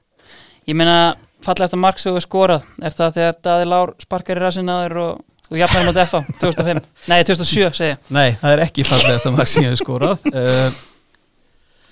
En hvað svona, veist, ég hérna, heyrði um daginn viðtal við Wayne Rooney þar sem hann sko, hann satt með Gary Neville og voru að fara yfir hérna mörkin sem hann skora á fellinum og hérna, og það er eitthvað mark hérna og veist, ekki þannig merkilegt mark og hérna, Gary bara, oh, wow, ég man þessum leik, já, mann nákvæmlega bara, Rooney bara, já, mann þetta nákvæmlega. Veist, bara, hann bara, já, veist, ég bara man tilfinninguna eftir hverju einasta marki, bara, veist leðan hann sér markið, þetta er 300 mörk og hann man alltaf bara hvernig tilfinningi var. Ertu á sama staðið það? Já, þetta eru náttúrulega miklu færri mörg sem að ég þarf kannski að mun en já, þú veist ég man eftir ég man eftir öllum svona mörkunum sem að við þykir ekstra svona væntum Mhm. og hérna man kannski ekki eftir einhverjum potmörkum og eitthvað svona Nei, sko, nei. sem, að, sem að telja alveg mikið samt en, en það er líka held ég bara þú veist ég man ekkert eftir ég man ekkert eftir einhverjum færum þarna sem ég átti að gera þarna eða Mhm. gera betur þarna og eitthvað svona Mhm. veist og ég held að ég hef sagt þetta í byrjun þú veist, að það er bara ég lifi ekki einhvern veginn lífinu þannig Já. að það er eitthvað svona sem ég er að trubla með eitthvað sem að gerðist eitthvað þarna og ég ætti að gera öðru í sig eitthvað það er bara, það er bara búið en, en mörgum sem ég man eftir veist það, ég man alveg eftir fjölmörgum mörgum þar sem að maður var ánað með sjálfan samt er ekkert sem að svona það er ekkert sem að stendur veist. Það er eitthvað eitt mark sem ég ætti að nefna mm. þá var það fyrsta landslýsmarki mitt með veist bara með Íslandi sem, sem var í 16 ára landslýs móti frökkum. Móti frökkum þar sem við töpuðum reyndar 4-2 Já. ef ég man rétt. Mm og ég skoraði nú bæði mörkin en, en þú veist, ég man alltaf eftir samt fyrsta markinu, mér fannst þetta bara mér fannst þetta svo mjög áfangi. -hmm. þú veist, það var það sem ég var búin að stefna á það smá strákur, Já, spila í íslenska landslýsbúnunum og, og skora strax í fyrsta leiknum fannst mér bara ég, ég, ég, ég var ánaður inn í mér. Já. og þú veist að það bara þá er það frá. Mm að því að, að ég held að geta alveg verið erfitt að lendi því að, að skora ekkert strax og, og þá fyrir maður svona aðeins að örvænta hvernig, hvernig skora ég. Og það er svona gott bara að það sé frá sko, strax. Þessi leikur múti frökkum sko, ekki séns að finna neitt um hann á netinu. Nei. Manstu eitthvað hvað leikmenn það voru? Nei, og ég get sagt þér það að svona á tíur á fresti þá fer ég einmitt í þessa rannsóknarvinnu að því að þú veist frakka náttúrulega hafa átt marga stórkostluðustu knastbundunum bara veraldar Mm. undanfarnar áratví Og þetta eru leikmenn sennilega sem eru sko, að píka sko, 98 Já. cirka Það er nefnilega málið og ég er búin að ég er gott ef ekki sendt einhvern post að franska knaspinu sambandi líka sko, til þess að, í alvöru tala Já. til þess að bara, að því að mér langar að sjá hvaða leikmenn það voru, Já, en ég get ekki fundið neinstaðar á alnettinu Nei. neitt um þetta. Þetta er einmitt sko, ég fekk hérna máðinn, Albert Brynjar hérna, hann er með svona svipað sig, fyrsti landsleikurinn hans er á móti frökkum í, í garði. Mm. að bara hérna, hann sagðist að var margótt tjekka en bara ekki séns að finna þetta. Sorglega En- franska leini þjónustan bara eh, felur þetta, þetta er förðulegt Herði, færum okkur þá hérna bara upp á miðuna Já, við erum komin á miðuna og þar voru nú heldur betur líka leikmenn sem að, sem að hérna, voru inn í myndinni en ég ætla að setja strax bara inn ég ætla að setja strax inn minn mann Steinar Gísla. Já, sko Steini Gísla uh, hefði getað verið bakkur hann getað verið kantbakkurur en ég ætla að hafa hann inn á miðunni og talandi um það svona færa einhverju liði eða hóp svona winning mentality Mhm. þá var Sigursteinn Gíslason þar þegar hann kom til okkar ofan að skaga og miður mistu hann síðan allt og, og fljótt en, Mhm. en gæin gerði ótrúlega mikið fyrir, fyrir mig, fyrir, fyrir káir og fyrir okkar lið bara bara gjössanlega neitaði að tapa í spilum bara í hverju sem er og, og, veist, og ég er bara stoltur að kalla hann vin minn sko Mhm. að því að þú veist bara allt sem að var farið í hvort það var að spila með fjölskyldunni eða eitthvað það var farið í þetta þess að vinna já, og þannig að það bara endur spekla steina gísla stórkostlegu gæi og, og hérna bara þetta lið væri ekki lið ánans hann er mitt hérna sko hann er hérna sko vesturbæðingur en með einhverja svona akranest tengingar og fer þarna bara mjög ungur upp á skaga sko. Og sko Gulli Jóns sagði við mig að hérna þú veist, hann hefði bara verið, veist, ekki, veist, jú, kannski aðeins eldri en hann, en samt bara svona, þú veist, strax bara einhver svona, þú veist, hérna, bara svona, þú veist, taka menn á eintal, þú veist, bara, heyrðu, bara, hérna, og bara, svo geðveik vikt í öllu Já. sem hann sagði. Það var nefnilega, þú veist, þetta er einn af þessum leikum það var hlustað, Mhm. þegar hann, tala, hann þurfti ekki að tala út í eitt sko, Mhm. það var bara, það var hlustað þegar Steini talaði og bara, þú veist, og við erum ekki ennþá búin að minnast á hversu frábær fótboltamaður hann var líka Það var næsta málið mitt. Já, það veist, það gleymis kannski að því að hann var svo góðu gæi Já. og stórkostlu gæi en, en frábær fótboltamaður sem sem að skildi leikin betur en flestir aðrir, bara, þú veist, hann var búin að sjá það sem var að gerast Mhm. það, það var svo skemmtilegt að því að Steini var, þú veist, hann virkaði hann var frekar grannur og Já. svona frekar lítill og, þú veist, en krafturinn sem bjó í honum samt var ótrúlur Emitt. Það heldur margir er getur eitthvað vaðið yfir hann Já, það var bara engin að vaðið við Steina Gísla sko. Hann, bara, hann var alveg til í, í fæting eða þurfti já. En þetta er einmitt sko, hérna, Gulli kreditaði sko Gauja Þórðar í rauninni fyrir að hafa, hann var náttúrulega alltaf miðjumæður, en Gauji færa hann niður í vinstri bakkurinn í rauninni og það er í rauninni, þetta er ótt sko vannmetin staða og ég menna, ég hef líka talað við aðra sem á að tala um sko Áskir Eliasson, gerði þetta mikið, tók gæða leikmenn kannski að miðjun í vinstri bakkurinn, að þú ert með svo mikið svæði þegar þú fær boltan hann og veist, það nýttist honum mjög vel. En síðan sagði hann einmitt sko, þegar mest á reyndi, úrslitaleikurinn 96 plassirar aftur á miðina til að hlaupa yfir menn hann það er nefnilega nákvæmlega máli því að hann var bara gæði sem að ég held að ég held að draumur þjálfarans sé bara svona rétta setningin um Steina Gísla. Gæði sem ákvæmst sett nánast hvar sem er og hann var að fara að skila 100% verki Mhm. fyrir því. Nákvæmlega. Sko, ég meina, ég minnist þetta úrslitaleiki 96, þetta eru þó nokkrir uh, það sem við kallum pallaleiki sem spilar á ferlinum. Gekk uh, kannski brösilega til að byrja með 96, þá ertu náttúrulega bara ég meina, þú ert búin að slíta krossbandi það ekki, en ert samt spilandi. Jú. Þá- Nei, eða, þú veist, ekkert sem ég sé eftir sko. Þú veist, ég, ég, ég slít crossband á móti í ja, í nýjöndu fyrir síðasta Mhm. leik í fyrir umferð uh, þá að skora nýju mörk eða Já. og ég slít crossband þar uh, við erum við erum konum með einhverja fórustu við vinnum þann leik 1-0 og ég fer upp á sjúkrás og, og það er eitthvað myndaður og skoðaður og eitthvað og fer síðan í speklun og þar kemur í ljós að crossbandi sé slitið og þeir segja samt við mig það slitnaði ekki það slitnaði ekki þarna það var bara Já. það, það við slitnaði tjáðan fyrr Já. líklega fyrir ári sko að því að ég meiðist á hnýja á gerðgráðsinn í Lögadal uh, vorið tvo- uh, 95 Mhm. á vestagerðgráðsi heims sem að var þá og hérna, þá hérna meiðist ég á hnýja og þá er mér sagt bara að, að það sé það sé hérna minniskus uh, Já. meðsli og hérna þannig að ég var frá í einhverja vikur þar og, og hérna byrjaði síðan bara að spila mista fyrstu umfyrunum í, í, í það tímanbili byrjaði síðan að spila og síðan gerist þetta hérna rétt rúmlega já, ári síðar Mhm. þá halda þeir að þegar við fyrir að horfa tilbaka að eini eila möguleikin væri að það hefði Já. ári áður Mhm. Og ég var búin að vera að spila greinilega og búin að spila bara nokkuð vel Já. með, með sliti crossband og hérna og þeir segja sko ég spila þá strax bara veist, já, get ég spila þá? Já. get ég spila áfram? Þá og þeir segja já, þú ert múin að sína það og þú getur það alveg. Það er ekki eitthvað sem við mælum með en, en þú ert líklega ekki að fara að skemma þannig sér neitt Mhm.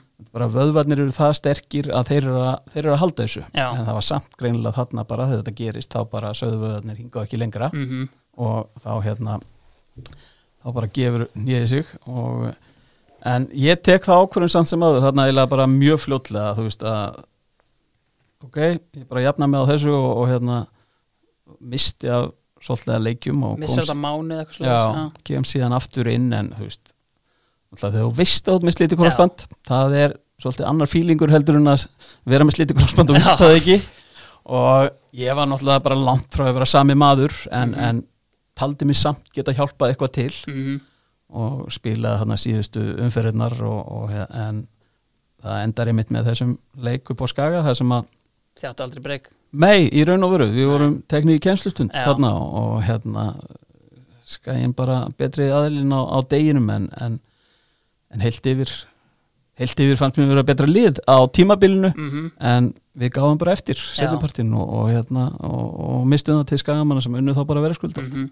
Ég meina næsti leikur kannski uh, ungur Joe á vellinum IBVF K.R. 98 Guðmi Bleisar hann við meðlabóðina bara, bara rifið tapleiki Nei, nei, hérna, en sko hérna. Já, ég, nei, nei, ég man eftir því. Og þó ég segist ekki muna kannski eftir eftir svona einhverjum slæmum hlutum eða slæmum ákvörðum eitthvað þá, þá, veist, þá er þetta samt einn af þeim hlutum sem þú gleymir ekkert sko, þú veist, þetta er þetta er vítaspinna, þú veist, við munum aldrei geta svara því hvort að ef að ég skorar vítaspinnu hvort við höfum unnið eða hvað er gerst. Mm en þetta er samt að sjálfsögur hlutur sem að maður svona, veist, það er samt meira út af fólk eins og þér sem er að rifja þetta upp.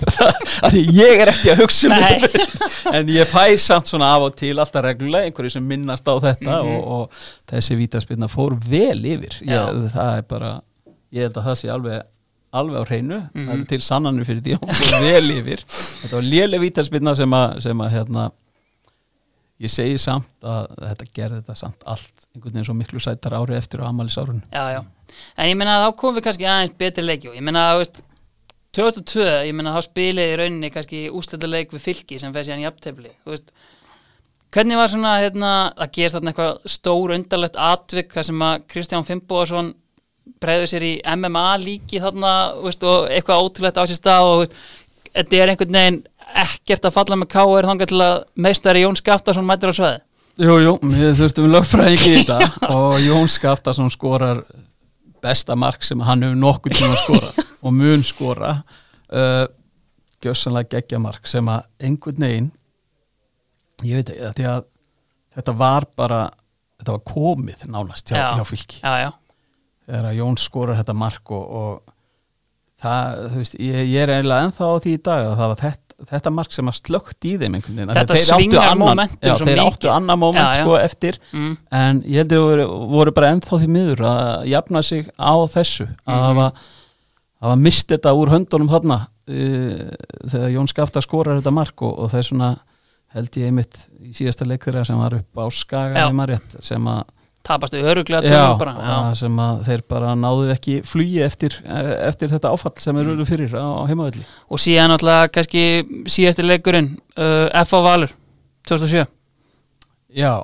það er veist, það er að sjálfsögðu það var svona ég veit ekki, það, það var risa sigur já, að fara í krigan og, og, og, og vinna þar það var bara hægara sagt en gert því að það voru ekkert mörgli sem fóruð þangað og, og tóku stig. En tökum þess að kannski fjóra leiki veist, meina, var undibúningurinn væntalega kannski eitthvað aðeins öðru sem var, veist, var þetta veist, miklað kannski bara eins og byggarústæða leikir eða eitthvað svo leiðis maður stakka sérstaklega eftir því? En samt sko, að sjálfsögðu leikurinn bara skaga hann var náttúrulega bara að reysa stóri í þjóðfélaginu. Þetta, er loka leikurinn og gott að hann var ekki spilaður á öðrum degi heldur en hinleikinni hvort, Mm. Hvort að hann færður um einn dag og, og spilaður sko daginn eftir þannig að hann fengi bara frið þessi leikur sko, þetta var, þetta var þannig leikur og náttúrulega bara mætingin líka upp á já. var, var stórkostleg. Uh, leikurinn sama í raun og veru IBF leikurinn í frostaskjólinu 98 það sem að veist, það er bara þetta er síðasti leikurinn og það er náttúrulega það, veist, það verður alltaf öðri sér það eru öll augu á þessu. Já, og hérna, að því að ég man til dæmis 99 þá spilum við líka við, þegar við spilum líka við IBVF, þú veist, þá eru þrjári eða fjórum fyrir eftir, Einmitt. en það var líka í raun og veru úslita já. bara. Mhm. því að eftir að við unnum þann leik þá vissu allir og við vorum að fara að vinna já, vinna mótið. En, en þú veist, það var samt öðri að þetta var ekki svona síðasti leikurinn og, já, og hérna, allir, að, allir að spá í því. Mhm. og, en, en ég held að undirbúningun hafi verið svipaður í þessu öllu sko, þú veist, þetta var þetta var bara komið á þeim tímapunkti að segja sér sjálft með síðasta leikin, það sem er bara úslita leikur en, en hinn í leikinni bæði í kriganum hann 2007 og, og þú veist í frostaskjólunum 99 þó að séu einhverju umfyrir eftir og eitthvað þá, þá, þá, þá var þetta samt svona, maður, maður bara þurfti að setja sig inn í þetta væri Mhm. mm úslita leikur og, og það er maður á að setja sig inn í alla leikið þannig Mhm. því að þú átt að vilja virkilega að vinna alla leiki og, og þú veist ef allir leikir úrslita leikir og gengur vel í þeim flestum þá, þá vinnur þú yfirleitt Já, mótið eða hvað það er sko. þannig að það er, það er þú veist, þetta er, það er svona ég man ekki kannski nákvæmlega þú veist því miður þá, þá hættur lið að fara eiginlega á hótel já, já, og svona, það svona við gerðum þetta nú samt. Og ég, ég er ekki frá því að við hefum verið á loftliðum fyrir FH-leikin í það nefnilega. Er það ekki? Jú, einmitt Ég man alltaf að Siggi pista sér hann var alltaf að þvældin á herbyggja og mér og Bjössa þannig að Siggi Varamarkmaður Siggi var að markma topp eintak og Já. ég veit ekki hvað hann fekk líkina hann var oft þegar við komum bara um mat á satan í hotninu bara búin að spjalla Já, átti sér hann stórkastlega framistöði fagnalátunum 2007 Já. En hérna, sko, ég meina 99 Er það þegar þú klúður að tveimur vitunum eða? Uh, ég klúðra bara ég klúðra bara einu en, en það. ég, ég klúðra náttúrulega 98 í Já, úsleðinum og síðan í leiknu 99 Mhm. þar Já. klikka ég á víti Já, já, þá ertu rauninni búin að klúðra hann tveim vitum Já, tveimur í röð þarna mútið IBF á, á Kárvellinum og, og hérna, við fáum þriðja vítið Já, og það var enginn að fara að taka þannig en ég, ég Já. sjálfsögð og hérna það er, það er komið fram einhver stað þú veist að því ég man, ég man vel eftir því þegar Hlinur Stefán Stefánsson kemur lappandi og, og hann, hann sagði bara við mig hann sagði ég er að segja alveg satt Gumi, ég er að vona og skori núna. Hvort þetta var einhver sálfræði hjá honum en, eða hvort hann var bara einlega með það hann vildi ekki að ég myndi klikka á þrejum vítum. Maður sér það líka sko í vídjóinu að þetta hefur verið genuine hjá hann Því hann kemur og klappar þér á baki þegar þetta er búið. Og, og enda er Linur, hann er góðu maður sko, og, og hérna hann, ég held að hann hafi verið að vona það, ég myndir hinnlega skora og, og hérna sem betur fyrr skoraði úr þeirri vítaspinnu og hérna ég, ef ég hef klikkað þar, ég held samt að ég hef verið klárið að taka næstu sko. Herðu, hver eru hinnir á miðinni?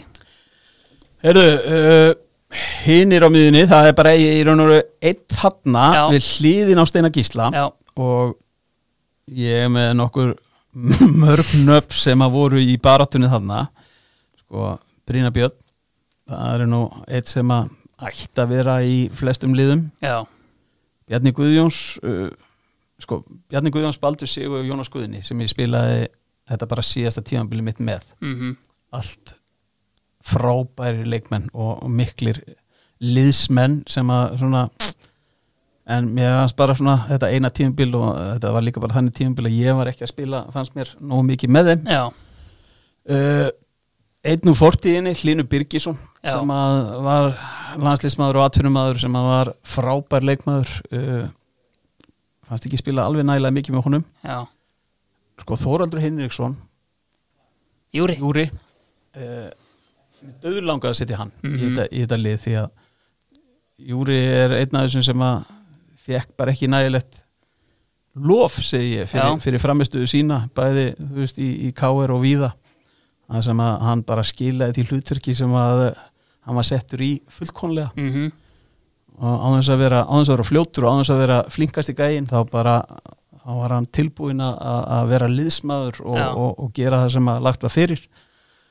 En að lokum var að niðurstaðan að Heimir Guðjóns mhm, þjálfari vals yrði á miðinu við hliðin á Steina Gísla. Já, Heimir var í K.R. þegar að ég kem þangað og tók mjög vel á, á móti mér og, og, og hérna tók ve- vel á móti bolta og skilaði vel bolta af sér líka. Já. og bara frábær leikmaður sem að ég veit ekki ég, ég sá nú ekki mikið að heimi þegar hann var yngri mhm, en sögurnar úr vesturbænum þú veist, hann var náttúrulega bara allt og stór og allt og sterk strax og bara yfirburði við alla sína jafnaldra. Já, allt er um flokki og, og óbóðslega mikill fótbolt á haus Mhm. sem að vissi tímapunktin á sendingunni hvenar, hvenar maður vildi fá hann og sá hvenar maður vildi fá hann virkilega og svona og óbóðslega gott að spila með honum og, og það er kannski alltaf að segja það núna því að ég voru að segja eins í dagann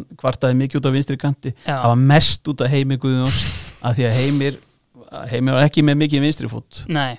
Og líklega einna svona þeim Íslendingum sem byrjaði mest að nota utanfótar að því að hann var svo lélugur Já, með vinstri fætinum þá var hann mikið að snuttan bara utanfótar.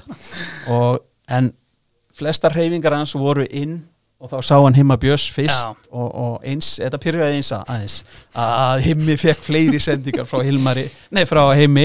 En Heimi var opbóðslega góður leikmaður og, og hérna ég hefði, ég hefði viljað spila lengur með, með Heimi, Heimi yfirgeð okkur uh, hvenær fyrir hann ekki í skagan eftir tímabili 97 Jó, eftir 97 fer hann uh, upp á Skaga uh, og hérna en við áttum til dæmis geggja samstarf þarna 96 og 95 mm. -hmm. óbúslega gott að spila með Heimi Guðjóns Myndur þú segja hann sko að því ég næ honum bara í rauninni kannski á þessum FH tíma en þú veist, það pjúra sexa alltaf eða átta kannski á einhverjum tímapunkti Sko, í raun og veru sexa meira þegar ég spilaði með honum. Og kannski spila meira með honum í 4-4-2 eða eitthvað svoleiðis eða? Já, var í treinum með tíu Já. en var alltaf tilbúin að lauma sér já, já, hann var að spila mitt, veist, í 4-4-2 og hann var tilbúin að koma og ég man einmitt mjög vel eftir marki það sem að gott að vera ekki að lögða þessu velli gegn Val 96 þar fær hann boltan hann einhverstaðar kannski rétt inn í tegnum hægra megin og hann bara skýst fram hjá tveimur upp á endalínu og liftur hann fyrir og ég skall hann í, í, í, í bara opið nettið en þú veist, hann hafði þessa sprengju þú veist, og hann eh, virkaði stór og, og mikill og svona og þá, þá var þessi sprengja til í honum og, og hérna, ég veit ekki það fyrirlin hefði kannski orðið ennþá stærri svona einhvern veginn ef að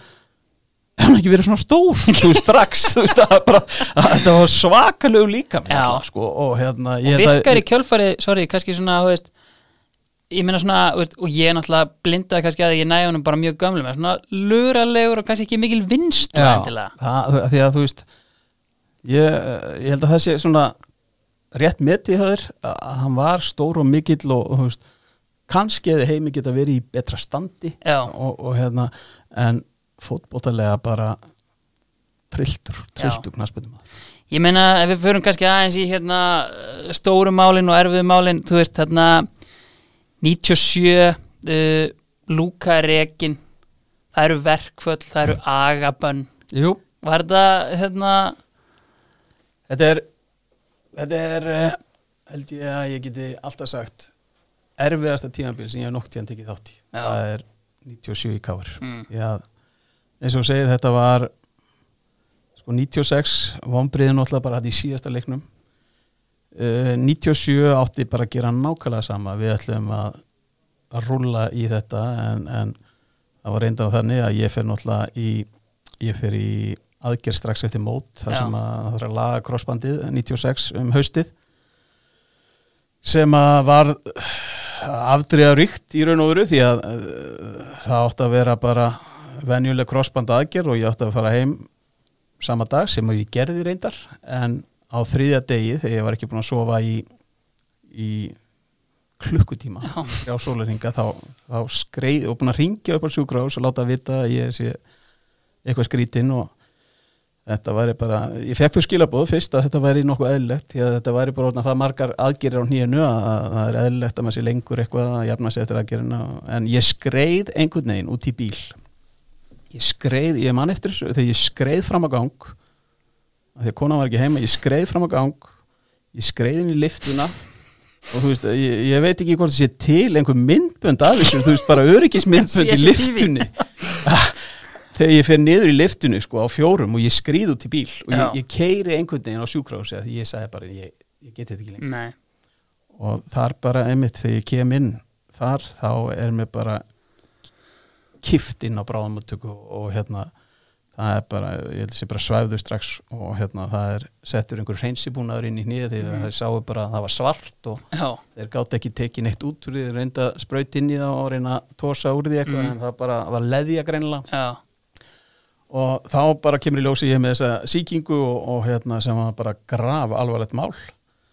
Og ég var bara fram á mitt sumar í raun og veru að, jafna með því þannig Mm. að ég var frá hérna þegar þessi hlutur að gerast en ég var á staðnum hins vegar alla daga því að mhm, ég held að fáir hafi verið meiri æfingasókn heldur en ég þráttur að vera mittur uh, nokkuð oft Já. að, þú veist, þetta var bara lífið mitt það, Mhm. það var að vera þarna og vera inn í klefa og skipti mig engum máli þó ég var ekki á æfingunni það, ég hefði frekar kosið að vera á æfingunni en, en ég, ég mætti þarna hverjum einasta degi til þess að, vera, vera með hópnum og, og hérna þegar Lúka er í reikin það var það voru mikil vonbriði og, og hérna leikmanna hópurinn tók því illa. Já, fannst það ekki alveg sangjart fimm það- leiki náttúrulega bara búnir Það voru fimm leiki búnir og jú, úrslitin voru ekki hvað var eitt sigur eða álíka sko, eitt eða tvö jættæfli held ég og hérna og það var svona og ég myndaði ekki halla hall að, sem var þjálfari annarflokks Já. að að koma hann inn, hann, settur hann til þess að taka við þessu og, og hérna, þetta var erfitt sumar það sem að liðið svona, eða leikmannahópurinn skiptist síðan upp í einhvern veginn tvo, tvo hópa sem Mm. að, sem að og uh, það gengur ekki í liði sem allar að gera eitthvað var það svona tím Luka Kostic og tím Björgólfur eða?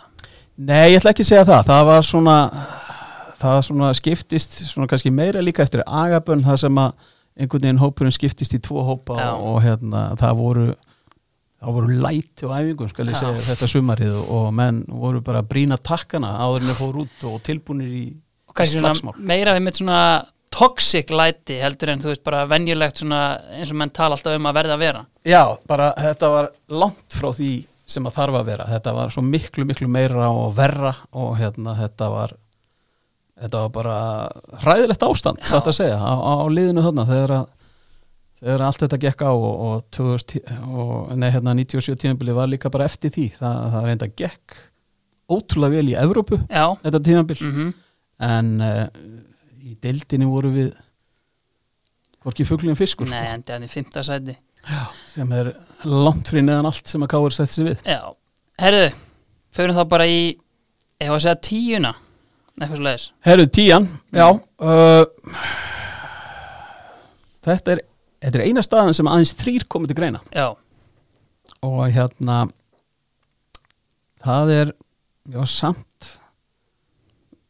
eins og mér langar að setja þessar tvo leikmenn sem eru varamenn í þessu stöðu í liðið þá, þá bara því miður þá verður það að setja sig í það að, að leikmannu sem er í tíunni þarna er eh, leikmannu sem að eh, bara við einhvern veginn smullum saman eins og flýs við rass í þetta tímabil sem við spilum saman og þetta var reynda bara eitt tímabil en uh, Sigurvin Ólafsson og Pálmir Pálmarsson, Mhm. þeir gera svo sannarlega tilkall í, Mhm. í þessa stöðu en Bjarki Gunnlaugsson kom til okkar 99 og ég held ég að sagt að það einhvern um haustið þegar við vorum í einhverju sigur vímu í einhverju viðtali að mér leið eins og þriðja tvíburunum.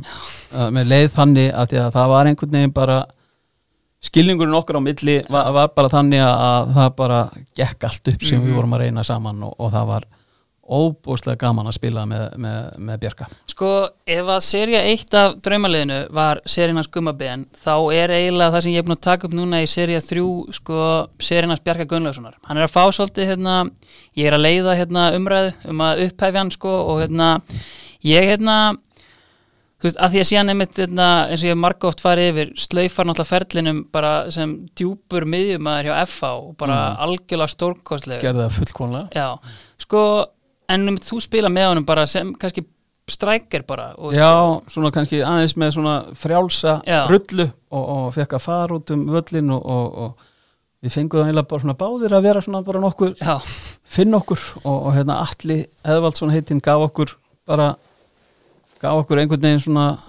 frjálsræði þið finnir bara út úr þessu Já, ég, þú veist, ég ætla ekki segja það en, Nei. en, en samt lefið okkur svona bara að njóta okkar Já, og ekki bara allir heldur sko Júri og Siggi Örn já, voru hérna á, á miðjunni Mm. til dæmis. Og þeir gáðu okkur líka frjálsæði því að Já. þeir bara voru tilbúinir að sitja hérna og þeir bara voru tilbúinir að senda boltan okkur þegar þeir fengan og, og þetta var bara við nutum þess að, fá að vera í þessu liði og, og, og náðum einhvern veginn engar vel saman. Og Bjarki er bara, þú veist fylgst með Bjarka sem er ein, einu ár eldri en ég mm, bara frá því ég var smástrákur spila gegn honum veist, ár hvert og, og hérna hann og Arnar náttúrulega þetta voru, þetta voru gæjar sem að maður bara maður bara naut þess að horfa og spila Mhm. spila leikinn. Og, hérna þess vegna var ég óbúslega ánaður að, að fá þetta tímabil bara með Bjarka þarna áður en hann gott ef hann fór ekki til Preston, eftir þetta. Aja, og King hérna, David Moyes. Nákvæmlega okkar maður. Og hérna, þetta var þú veist, að, hann var frábær þetta tímabil og, og ég, ég get alveg sagt að það voru ég, ég átti frekar vona því að Bjarki Gunnlússon er því leikmaður ásins þetta tímabil. Því að mér, mér bara fannst hann það góður og ég, ég var svona ég var meira hissa Mhm. að, að ég hefði fengið þann titil heldur en hann því að mér fannst hann bara besti leikmaður já, einmitt Sko, einmitt Bjarki ferðan til Preston Sko, það er kannski um svona þetta leiti sem þú tekur líka svona léttan rúnt um Evrópu og hérna tekur stöðuna á, á nokkrum liðum og hérna, er það ekki reyð? Við hafa talað um PAOK, fórstu þangað? Nei, Nei, ég, ég, ma, ég man ekkert eftir því eh, en þetta er sko, veist, þetta er AEK, voru þeir ekki eitthvað inn í þessu? Jú, það, var- það var fyrr, það var fyrr, það var fyrr reyndar og, og hérna en sko, ég, ég man reyndar eftir í bara hérna seint á þessu tíðanbili þá kemur Stabæk Já, og hérna og það uh, vildu fá mig út í tvo daga eitthvað og eins og það væri bara þetta væri allt frá gengið og eitthvað. Og ég man bara káir sagði nei þá, þú veist, þá vorum við bara í þessari við vorum bara í þessari stöðu já, já, sem að við vorum í og, og hérna ég hef aldrei það hefur aldrei trublað mig að ég hef ekki fengið að fara að þanga já, en eftir tíðanbilið þá fór ég til uh, Ferbóðring Gél heita þér og, hérna eða hétu, ég heldur séu farnir Þeir eru í- farnir, já, já. í, í dag. Uh, en fór, eh, fór til þeirra og legður þangað. Og hérna ætlaði að taka bara veturinn þarna það, það var bara, þú veist ég var með samning við Káur held ég næstu til næstu tveggja ára eða eitthvað. Mhm. og, og hérna fer út til, til Belgíu og, og hérna þar eh, það stemdi bara í bísna góða hluti eh, satt að segja því að, því að hérna frelsandi engill af já, fjárvaranum já, þetta var nefnilega ég kem að það út en fær reyndar ekki keppnislegi strax mm, þannig ég spila tvo leiki með varaliðinu. Mm og ég var bara í þannig hugar ástandi þarna uh, sjálfströsti bara meira held ég heldur en nokkuð tíman Já, og ég rúlaði upp þessum varaliðsleikjum eins eins og ekkert væri. Já, þannig að það, menn gátt ekki beðið eftir að ég fara að spila með aðliðinu og, hérna það síðan loksins kemur svo leikamild og það er darbíslaðu gegn Lýrse. Það sem ég skora sigumarkið í, bara undir restina, smell einu fyrir utan teg upp í, upp í skeitin. Já, eitt af þessum mörgum sem ég man mjög vel eftir. Já, og hérna það verður allt vitlaust og, og hérna síðan held ég skori í næsta leik líka, jættefli gegn Mekkelen uh, ég næði einhverjum hérna fjórum, fimm leikjum held ég, fyrir áramót og gekk bara mjög vel uh, síðan fyrir heim um jólin mm, og hérna bara yfir jólin veikist ég svona ég er ekki rétt, ég bara hef ekki veiks eða veikist mjög lítið og, og, og það er fátíð Já. að ég sé eitthvað veikur en, en ég verð bara eitthvað voða slappur hérna yfir jólin og, og, og sem verður til þess að ég verð að fresta með sér. Fluginu mínu út til, til hérna, samkvæmt lag, lagnisráði bara að fresta fluginu út til, til Belgíu aftur og, og þarf að koma svona tvendum síðar eitthvað og, og á meðan eru búin að það er búin að reka þjálfaran já, það er komið nýr þjálfari ungveskur sem að tekur með sér þrjá ungverja, ungverska leikmenn og, og hérna allt í leið með það en ég var bara samt ekki samur hérna, þú veist, að bara eftir að hafa leið í einhverja viku, tíu daga hérna, þá bara hafði ég ekki kraftinn eða, eða hvað það var sem að, sem að þurfti. Og ég var hálf vonlaus satt að segja.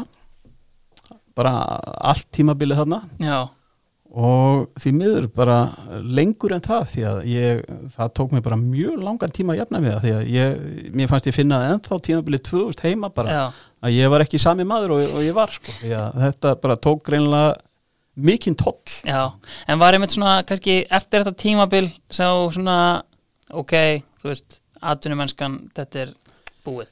Já, þú veist og ég var ég var í raun og veru ekki ég var ekki þannig séð að eh, þegar ég fór hann út og leiti á þetta sem lán að því að ég vissi það alveg að ég var eh, með þannig líkama, með þannig nýja mm, það, ég þurfti að vinna í einhverju vikingalott og eitthvað lið var í tilbúið að gera einhvern langtíma samning eða eitthvað við, við, við þennan mann. þegar mætti með nýja lífina Já. bara í töskunni og ég meina, þú veist það er nú bara nákvæmlega líka sem gerðist sko, sem var reynda fyrr, hérna, haustið 97 eftir vandræðin í Káir þá fer ég að, aðeins fer ég aðeins á, á flakk. Mm og þá einmitt býður David Moyes mér til, til Preston. Já, og ég æfið með Preston í viku. Mhm og ég ég get alveg sagt það, það er einhver besta knaspinu vika sem ég hef bara sínt held ég, já, því að það bara gekk allt upp hjá mér og, og markmennir skildu ekkert í hverju veru lendir því að það fá bara allt inn sem ég, sem ég snerti. Og það endaði með því að Móisarinn kallaði mér og skrifstu og bara, bara heyrðu og þá var ég með nýrlíf hérðan frá miðjulæri Já. og niður á miðjanlegg ég var bara eins og snældublesi hérna um árið með þvílíka líf en uh, samt gekk bara svona svakalega vel og Móis kem bara sest niður með mér og segir bara þetta bara þetta gekk vel. Og hérna en þú veist, þú hlýtur að vita það að það er, ég get ekki ég fæ það ekki gegna, ég semji við þið með, með þessa nýrlíf og ég segi, nei, ég er ekki að fara að taka hann að mér sagði, ég bara, hún bara, hún er að hjálpa mér í hausnum hérna Já. núna og, og hérna, þú veist, ég tek hann engt hérna af. Já. Og hérna hann segir ég, ég vill að við göngum frá samningina samt. Mhm.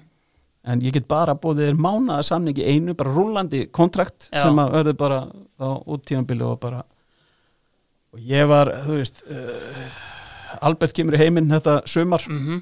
og ég bara sagði, ég sagði bara nei. Ég sagði bara, nei, ég er bara með konu og barn heima og, Já. og hérna bara, ég finnst ég ekki geta að vera að gera einhvern mánaða samningi Nei, einu hérna og, og eitthvað svona. Og hann hérna bara skildi það og, og reyndar bara um leið og ég kvatti móisaran þá ringir hemmi reyðasími já, segir, heyrðu, en að koma hérna niður til Brentford hann hérna, Ron No- Notes hérna það ekki, heitir ekki hérna gæðin sem átti það? Já. hann vil endilega ákomur hérna eins og, og sýnir þið og hérna ég hérna, já, akkur ekki? Ég er hérna á Englandi maður. Já, og ég fer þangað á æfingu mæti þarna daginn eftir eða tveimtugum síðar og, og hérna þar það er eitthvað skrýtnast sem ég nokkuð tíðan komin í því að hemmi var ekki á þessar æfingu sem ég kem á. Nei.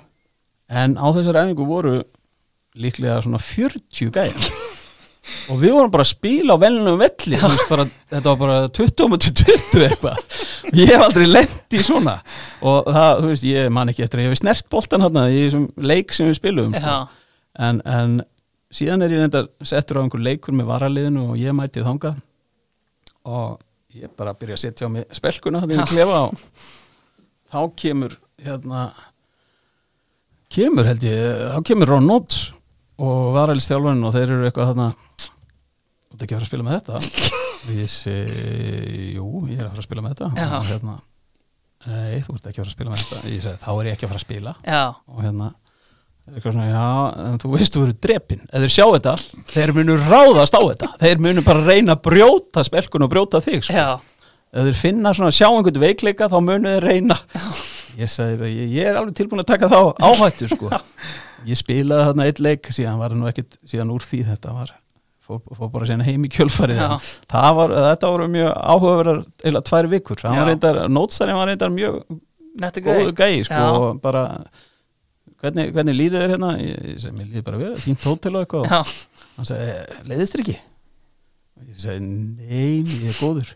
Hérna, ringdi í konuna hérna, hérna og, og ég ringdi í Chris og hann segi bara, er það flug með klári hérna, hann vildi endilega bjóðinni að vera Já. með mér, hann ég myndi ekki leiðast okkur svona mjög, mjög næs gæi en, en, en það var síðan ekkert úr þessu sko, þetta var áhugaður tími og, og, og skemmtilegur. En ef við slöfum kannski þessum GL tíma, ég meina belgískur fótbolti er kannski á svona mjög góðum standard þarna, allavega sko anderlegt er hann á bara mjög aðtekisverum árangri í hérna Európukeppninu, eða mestaradildinni, vinna Master United þarna og hérna sko, marg, eftirminnilega kannski anstæðingar sem mættir þarna? Já, ég sá sko að Enzo Skifo var í dildinni þarna. Já, já, en svo var hérna á, þú veist, klubbrugge klubbrugge og andilegt voru í svona í sérklassa. Mhm. Mekkelen kom upp hérna uh, einhvern 2-3 ár og, og einmitt fóru langt í Mhm. og eitthvað. En, en þau voru alveg í sérklassa og, og hérna, unnið þetta bara til skiptis. Og veist, það er svo sem engir Jan Kölemans ég ekki, þú veist, þú ert ungur til þess að muni eftir honum en þú veist, HM Hetja 86 Já. sko, fyrir, fyrir belga, belga fóru ekki? undanúslið þar. Já, og hérna voru með marga, það er mitt með eins og Sifo og, og fleiri og gott ef að minn maður Nico Klasen var ekki líka þá. Já, og hérna þetta, þú veist, fjölmargin mjög góði knaspinumenn í, í Belgíu á þessum tíma og, og hérna Belgía einhvern veginn hefur samt svona rokkað upp og, og, upp Já, og já. niður en, en ég rættur um að muni breytast þannig að þeir muni ekki fara mikið upp því að bara eins og Íslandi þá, þá fara allir ungu leikmenn þeir Já. fara í stóru liðin eru búin að læra það að fylgjast bara með þeim og ná Já. þeim þeir eru kost ekki nei, sko, kost ekki allt þannig að en, en Belgia og Holland voru, þú veist, eru bara fyrir mér eh, þjóðir sem eru góðar fyrir það, fyrir leikmenn að spili, sko, Mhm. þetta er bara þú lærir, þú lærir mikið hana já, algjörlega. Herði, uh, eins og ég kominu áðan erum við bóði Súta Breykjavík. Sko, ég spurði þig aðeins hérna, er einhver tíman sem að hérna, einhver hefur labbað inn í klefa og, og Guðmundur Benedikt sem bara, nei þetta er ekki hægt. Klæðabyrðarlega séð. Sko ég, ég er búin að hugsa þetta aðeins. Já, og ég með sé að gerði svo djarfur. Ég fór að googla einhverjar myndir og eitthvað bara frá ímsu tímum. Já, og ég eiginlega bara eh, veist, eins og það er leiðilegt svar en, en sko bara þegar ég skoða myndir af okkur og, veist, og mér meðtöldum ní, eða, þú veist, 95, 6 7, 8 þetta er náttúrulega ekki lægi sko, þú veist, við erum allir bara við erum allir, þú veist, við erum klættir þannig að maður, er bara hálf skamma sín í það, sko, þú veist, þannig að ég er ekki með neitt svona, það er engin eitt sem að kemur eitthvað upp í hugan að, hérna hafi gjössanlega gengið fram að mér, nei, því að ég er búin að sjá það að við vorum allir bara með all áriðt já, já, í raun og veru, sko, kannski ég ætla að vona allan að þetta tímabil kom ekki aftur. Nei, algjörlega og okkar menn í Súta Breykjavík þeir ætla að sjá til þess, það er alveg ljóst. Herði, færum okkur þá bara hérna upp í fremstu tvo Við erum komin í framlýna Já, uh,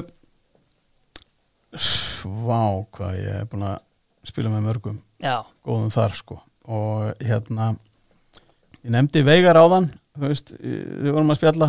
Mhm. uh, Veigar er uh, einhver almesti skemmtikraftur sem, að, sem ég veit um á, á knaspinu og, og því miður þá var ég svona, ég var bæði mittur og svona var ekki bara á mínum besta stað þarna þegar hann var í káir mm og þess svona fellur hann út fyrir liðið. Reglunar sko Andri Sigþórsson er markaskorari sem að uh, ég spilaði með og, og hérna, hann fellur líka hann út fyrir. Eiður Smári spilaði með mér um tíma en ég veist ekki sangjart, uh, veist, hann var þetta 98 þar sem hann var ekki veist, hann var bara að jafna sér til meðsli Já, já. og spilaði með að fá leikið saman. Arna Gunnlaugs setni svona, uh, setni bylginu sinni kom hann í, í Káir og við spilaðum einhverju leikið saman. Uh, Bjarni Sveinbjós er eitt sem að Pappi Birkis Bjarna? Já, Já, sem að bara stórkostluður markaskorur og bara svo skemmtileg típa. Já, svona neikvæð típa en, en, en ógeðslega fyndin Já. típa sko. Og ég hafði mjög gaman að spila með honum og, og hérna, Bjarni bara algjör topp eintak. Uh, Björki Daka Fúsa þú veist ég spilaði Einmitt. með honum 2009 Já. og, og hérna þægilegt þægilegt að spila með Björka. Og bara skemmtilegu líka og, og hérna skorar alltaf á Finnst sig þú- á sig, já fyrir ekki Fyrst þú minnist á einmitt þetta 2009 tímabil sko, fyrir mót á pappir þetta er rosaleg framlýna þetta er Guðmundur Benditsson Björgóla Taki Fúsa uh, Gummi P sem plan B og að sjálfsögðu Prins Rækomar Já, prins Rækoma kom inn á síðustu metrónum. Á reynsinum, rúlaðinn Já, rúlaði inn á reynsinnum og, og hérna, gott ef hann skipti honum ekki fyrir einhvern Renault svartan og gott ef hann var ekki búin að missa bílprófin en var með nafnið prins og símanúmerið sitt aftast, svona í afturglíkanum sem, að- sem að var ekki skynsalegt kannski, eða varst ekki með bílpróf. Nei, en, en hérna jú, þetta voru hérna, við vorum fjórir að slástum uh, slástum eina til tvær stöður sko, og, og hérna þetta var áhugaverður tími getið sagt þetta já. og ég og Björki vorum nú, við hittumst nú fyrir tveim veikum síðan og vorum aðeins að ræða þetta. Mm. Það sem að skilabúðin voru ekkit sérstaklega flókin sko, það var bara það var svona klapp á öxlina kannski frá þjálfarunum. Björki, þú byrjar. Og, og síðan, þú veist það var bara eina sem við vissum. Við vissum ekkit hvort við vorum báður að byrja eða neitt það var bara, hann vissi sem fekk klappi svona að hann var að byrja. Og hérna en síðan er eitt nafn þarna sem að ég spilaði reynda bara eitt tímabil með. Já, en hafði óbúslega gaman að spila með og, og samstarf okkar gekk vel. Það var Mihailo Bibisis já. sem að spilaði með mér í Káur 95 mm það var einmitt típa sem að þegar að Mikki kom í fyrsta skipti ég man að fyrsta aðingi sem hann kom á var á Sandgræsinu í Kópói þegar það var á hétt og Mikki kemur frá veist, hann var í skaganum árið á undan en Mhm. fór síðan heim Já. og síðan kemur hann bara, ég held þetta að vera í februar Mhm. februar mass þegar hann kemur búin að vera í fríi hérna úti hafa það gott og hafa það písna gott síndist mér og Mikki kemur á æfingu og, og við erum með einhvern klefa þetta og hann klæði sér í fjóra regnjaka og það var eitthvað triks til þess að veist, vera bara vera að æfa í guðubæði Já, og já, til þess að reyna að láta leka af sér. Og hann æfði svona í, í fleiri, fleiri vikur sko. ég, ég hef aldrei séð þetta hvorki fyrir niður síðar en, en og hvort þetta virka, ég er ekkit alveg samfærur um það en, en hann samt, hann, hann komst í betra og betra stand með, með, með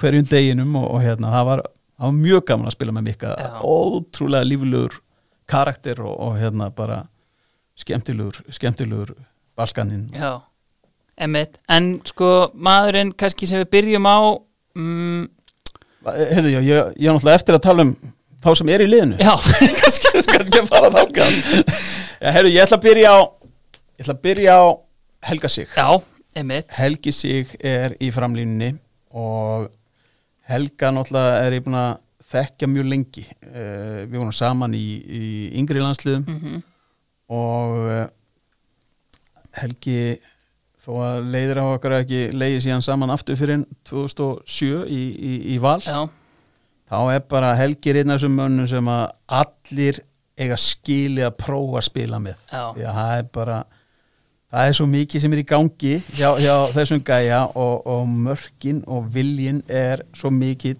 að, að það, er, það er gaman fyrir alla leikmenn að spila með honum. Veist, og hann sé neikvæðu stundum og eitthvað svona og, og, en það er bara veist, það er ekki, ég held að sé ekkit betri klárari nei. á færum sem að verið að spila hérna á Íslandi. Tryggvi Guðmundsson, jú, og, og Helgi Sigursson þeir eru svona uh, kannski svona svolítið sérklassa finnst mér í, af klárur Þetta er einmitt svona að því ég meina Helgi kemur náttúrulega hann einmitt fyrir tímabilið 2007 og sko manni fannst kannski svona þú veist, sko svona líkamstjáningin á vellinum og annað þú veist maður sá ekkert endilega er þetta er alvöru gæða leikmaður einhvern veginn hann, veist, kannski að rekja boltan og þú veist, aðeins með hendurnar úti einhvern veginn svona munnin Já.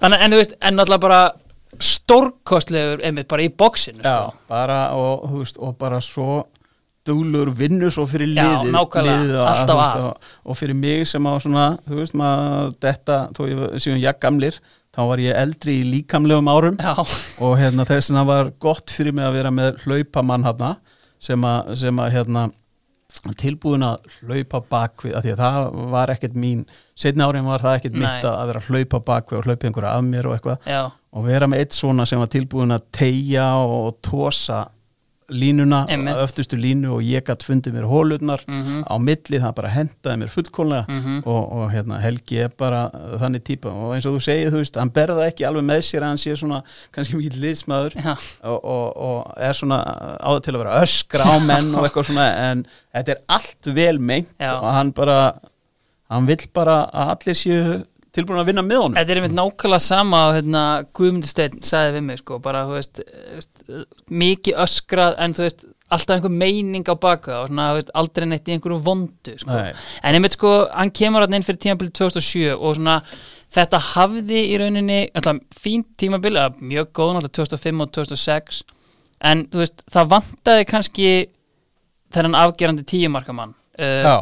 Hann, var enda, hann var enda búinn til úr Garðari Gunnlaugs og Garðari Jó hann árið á Já, undan ég sko. ætlaði einmitt að segja það að, þú veist, að þú veist, það eru kannski þrjúnöfn sem ég, ég nefndi ekki þarna. Já, en einmitt að spila með Garðari, Garðari og Matti. Já, Matti spilaði líka með mér aðeins frammi í, Mhm. í vala á þessum tíma.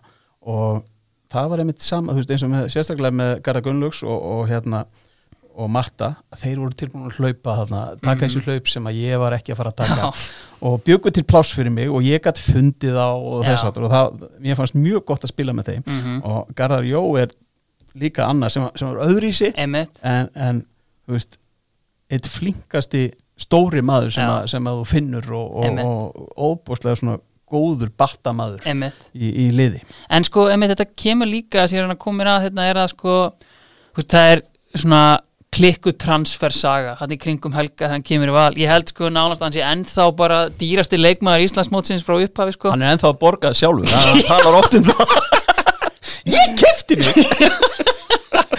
En þú veist, þetta hafði svona, veist, alla burði einhvern veginn svona, veist, þegar maður lesið í fjölmiðnum til þess að svona, veist, floppa og verða einhver fyndin saga, sko, en alltaf, en, er kannski sangjandi að segja að hann hafi komið með þetta ekstra sem vantaði upp á til að klára titilin? alveg bara klálega það, veist, var svona þetta eitt af þessum bara litlu púslum sem að þurfti til þess að, klára þetta. Já. og hann kom með hann bara kom með svo margt veist, í klefanum þú veist, við, við vorum með bjössa eh, fyrir í, í klefanum sem að er einhver magnaðasti bara klefa og liðsmaður sem þú færð. Síðan fegstu annan svona, svona hávaran Já. líka sem, að bjóð til einhvern veginn enn betri stemmingu og, og stemmingin bara í valshópnum þarna var bara eitthvað það besta sem að nokkuð maður, leikmaður hefur kynst Já. get ég trúa því að þetta bara við, það var bara búin til stemming sem að, sem að allir duttu inn í og það var bara það var gaman hjá okkur og Mhm. það er alla jafna líkillina því að það sé árangur Sko, ég sé hérna, sá þegar þú hérna, skrifar undir framlengingu annan 2007, uh, yfirlýsing frá val, sammeilegu vilji er á milli aðila þegar knattspinnifelli Guðmundar líkur þá hef ég hann störf sem þjálfari og komið að mótum knattspinnistefnu deildarinn á samt líkil þjálfurum. Þú veist, hvað byll er þetta? Var þetta ekki bara eitthvað, veist, eða var þetta einhverjar veist, alvöru pælingar eða? sko uh, þetta þetta voru þannig sé ekki pælingar á þessum tímapunkti Að því að, einmitt, svo ég skjóti inn í, síðan hann 2009 er Willum Reggin og þeir hafa bara samband við þig, Herðu, veist, er það ekki? Eða veist, þeir byggja káar allan um leifi. Jú. og það einmitt gerist, gerist þá að, að þegar að Willum er farin þá hafa þeir samband við, við KR og, og, og það er talað við mig og, og ég sé KR ræður þessu Mm en ég, þú veist, ég bara þá, þá var ég, ég fannst ég ekki vera að byrja nægilega marga leiki, þarna, 2009 þannig að ég var, ég var alveg opinn fyrir að skoða það ef, ef að Káur myndi gefa græntli og sá það en, en ítti ekki neitt á það þú veist, af eða á og, og hérna, það var bara niðurstaðan að, að Káur var greinilega ekki tilbúið að gera á þeim fórsöndu sem að Valur -hmm. vildi gera. Og gott ef að jú, var ekki allir eðvald sem að, sem Jú, allega að stók við sem já, kom, kom inn þá og, og hérna en það er í eina skipti sem að einhver þjálfara pælingar hafa átt sér stað þarna milli mín og, og, og vals. Herðu, sleifum þá bara liðinu. Hver er hérna með Helga upp á topp? Herðu með Helga og við erum búin að telja upp alla þarna sem að voru inn í myndinni. Og, en uh, sko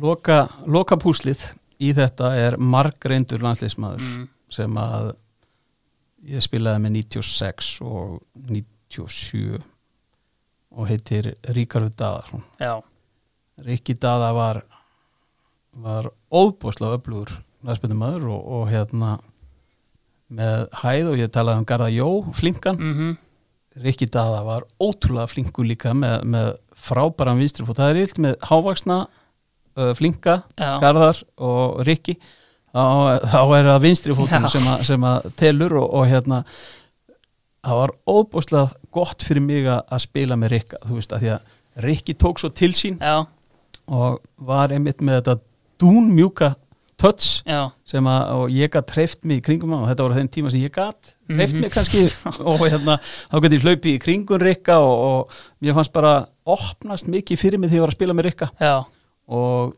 það var einmitt eh, eins og kom inn aðan þú veist, ég opna að skora hérna 96 þú veist, þá var Rikki og reyndar Ási svolítið í byrjun, Ási Haralds. Ási Haralds, en þá, þá einhvern veginn opnuðu slutinni fyrir mig og, og Rikki Dada er bara uh, gæi sem að ég hef fylgst með náttúrulega og, og þekkt náttúrulega núna mjög lengi að- að óbúslega góðu knaspindum sem að sem að því miður út af smá meðslum í, í svona kom í veg fyrir þetta stóra.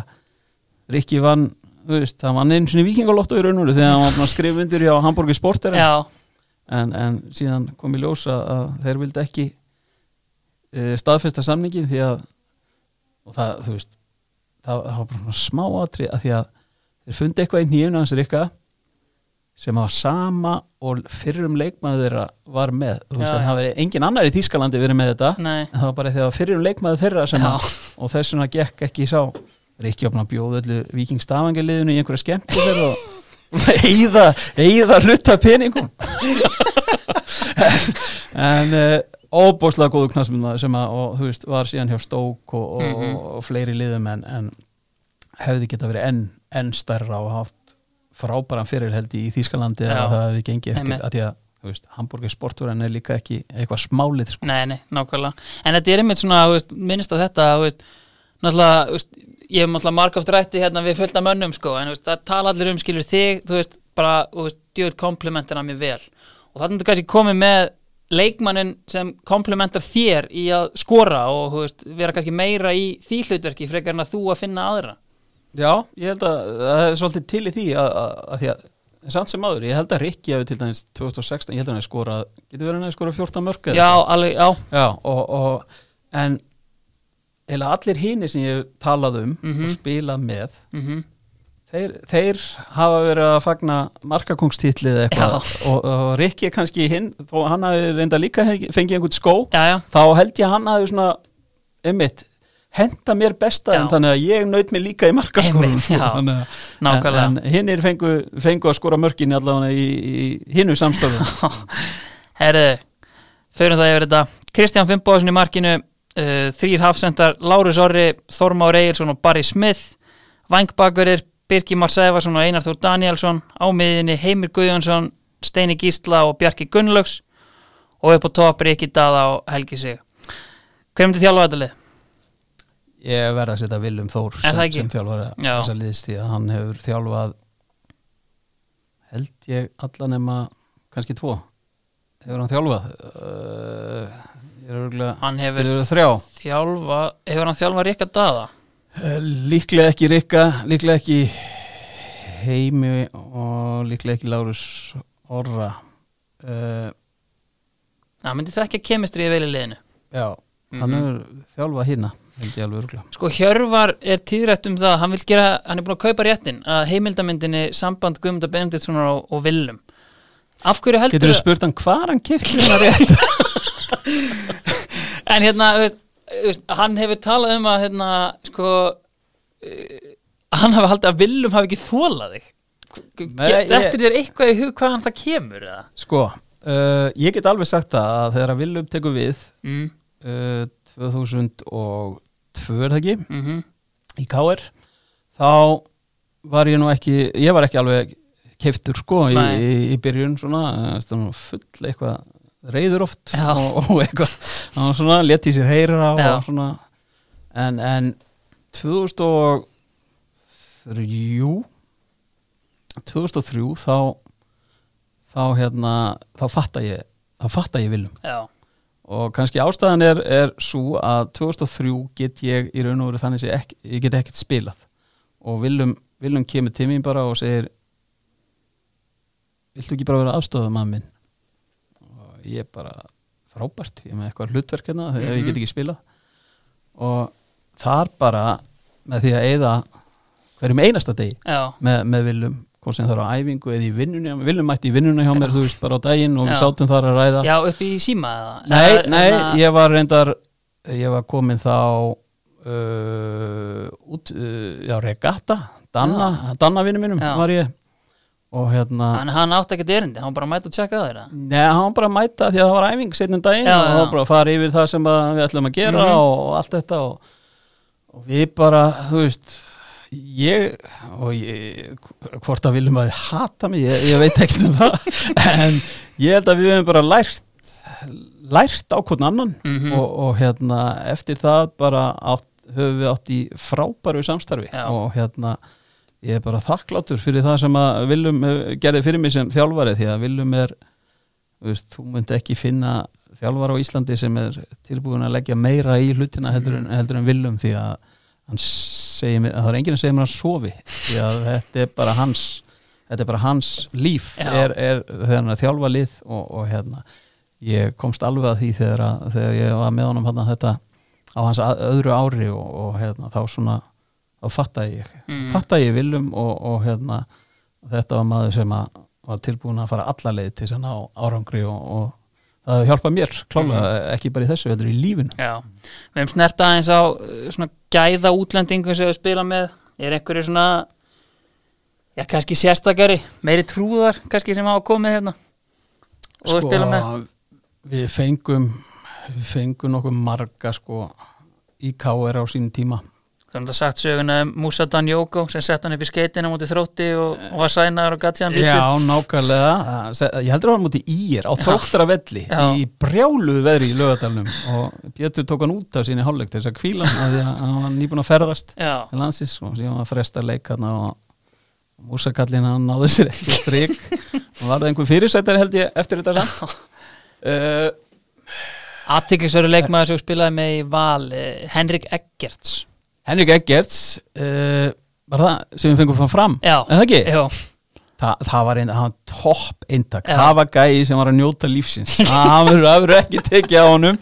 Hann var alveg til í að hafa bara gaman. Uh, en það, þú veist, það var margir danir svona, danir eru allir þeir, hafa allir verið býsna skemmtilegir sko, bara gaman að vera með þeim og hafa þá í hóp og svona.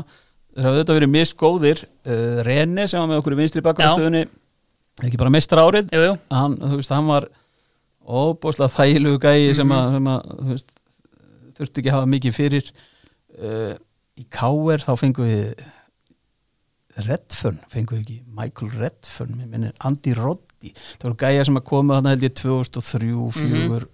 eitthvað og þú veist gerðu ekki mikið. Nei. og uh, við heldum alltaf að við verum að, þú veist, okkur var selt það að við verum að fá einhverja snillingar trekk í trekk sko, en þú veist, hversu oft hefur það gerst? Já, já, að, en það er engi sem að stend þú veist ég leik með Sali heimi og, og Dada Dervits í, í, KR og þú veist, en náttúrulega bara orðnir Íslendingar og voru, já, voru, orð, voru orðnir Íslendingar þar, þú veist, ótrúleir ótrúleir karakter, Mhm. karakterar sko, skemmtilegir líka að, þú veist, það er svo margi sem hafa farið þarna í gegn og margi sem hafa komið til reynslu og svona Mhm. en, en ég veit ekki, þetta er kannski eitt stór skemmtilegur í Jordao Diogo Diogo, ég, ég var enda lítið með Diogo, hann, já, hann, hann kom í, hann var í K.R. hérna var hann samt, getur verið hann 2009 líka Ég held það, já, sko. hann hefur verið 2009 Já. hann, gott ef hann fór ekki samt áður en hann tíðumbilið var búið á, á því árið, þannig Mhm. ég kynntist nú honum ekki Nei, mjög mikið en, en síðan eh, er eh, Skotti og Grindavík. Já, ég meina, hann kom í K.R. já, já. bara í örskama stund. Og hérna, ég vilja hafa hann lengur. Mhm. Það var svona típa sem að hérna bara sturla á knaspunum sko. Og hérna því miður einhvern veginn gengur hlutinir ekki upp þar. Nei, fengur nú tvo, það er ekki bara 97 held ég, það sem að eh, Kristófer Sigurgeirsson og hver er aftur hinn sem kom? Dóraður Dan Tóti Dan. Já, og, Kristó. Þeir, þeir stöldru, stöldru stutt við eins og skotti í raun og veru þegar hann kom að það já, síðan er þetta eitt leikmaður kannski frammeri sem að ég hefði vilja spila spila með sem að kom. Gott ef hann var ekki bara fenginn þegar ég fór Gretar Hjartarsson já, það var leikmaður sem að ég hefði óbúslega gaman að horfa að spila leikin og, og hérna. Ég, það var svona eina sem ég sé eftir á káarferðlunum að hafa ekki ekki verið náða að vera á sama tíma og hann. Já, nákvæmlega. Herðu, ég meina kannski svona loka spurningi, tók aðeins saman hérna Já, nei, kannski klárum hérna, sko, erfiðasti anstæðingu sem þú mættir, bara, þú veist, kannski ekki sem þú spilaði með á æfingum, en bara svona, þú veist, á leikarum út í þessum og, þú veist, eiginlega ekki því, einhver hafsend eða eitthvað svo leiðis. sko ég, ég held í alvöru að fyrsti leikurum minn í efstild ég, ég ætla ekki að þú veist, ég var klálega að nenna því Já. en það var líklega erfiðasti leikur sem ég, þú veist, ég kom inn á sem varamæður í þeim leik Já. en Sævar Jónsson Einar Páll Tómasson Þorgrummi Þróunsson og uh, það var eitt rísi hann í viðbútt sko. Veist, þetta var bara fjara manna vartanlega og það var einhverju tveir svipaðir bara þetta á miðjunni. Já, og ég, þú veist ég kom hann inn Já. kom hann inn uh, hlaupandi eitthvað og þú veist og þeir voru ekkert að fara vorkina mér þú ég var eitthvað ungur og lítill að koma hann inn og sko, ég man alltaf eftir því að þetta var þetta var líklega erfiðast sem ég hefði gert hann sko. Já, en kannski að hérna, slöfa þessi einmitt hérna, komið gott en stórkvæmt spjall eh, sko, langar að spyrja hans úti þegar ég fekk hérna, við tölum aftur um máðin Albert, þegar hann kemur í val ég spurði hann einmitt úti í þetta sko, hvernig var tilfinninga þar að fá litla bróður kærastunni hennar inn í klefan var það eitthvað djöfisins? Nei, ég ja, þú veist, ég man allavega ekki eftir því að við trubla með eitthvað sko. ég, ég bara gaman að því að fá Albert því að það er gaman í kringum Albert.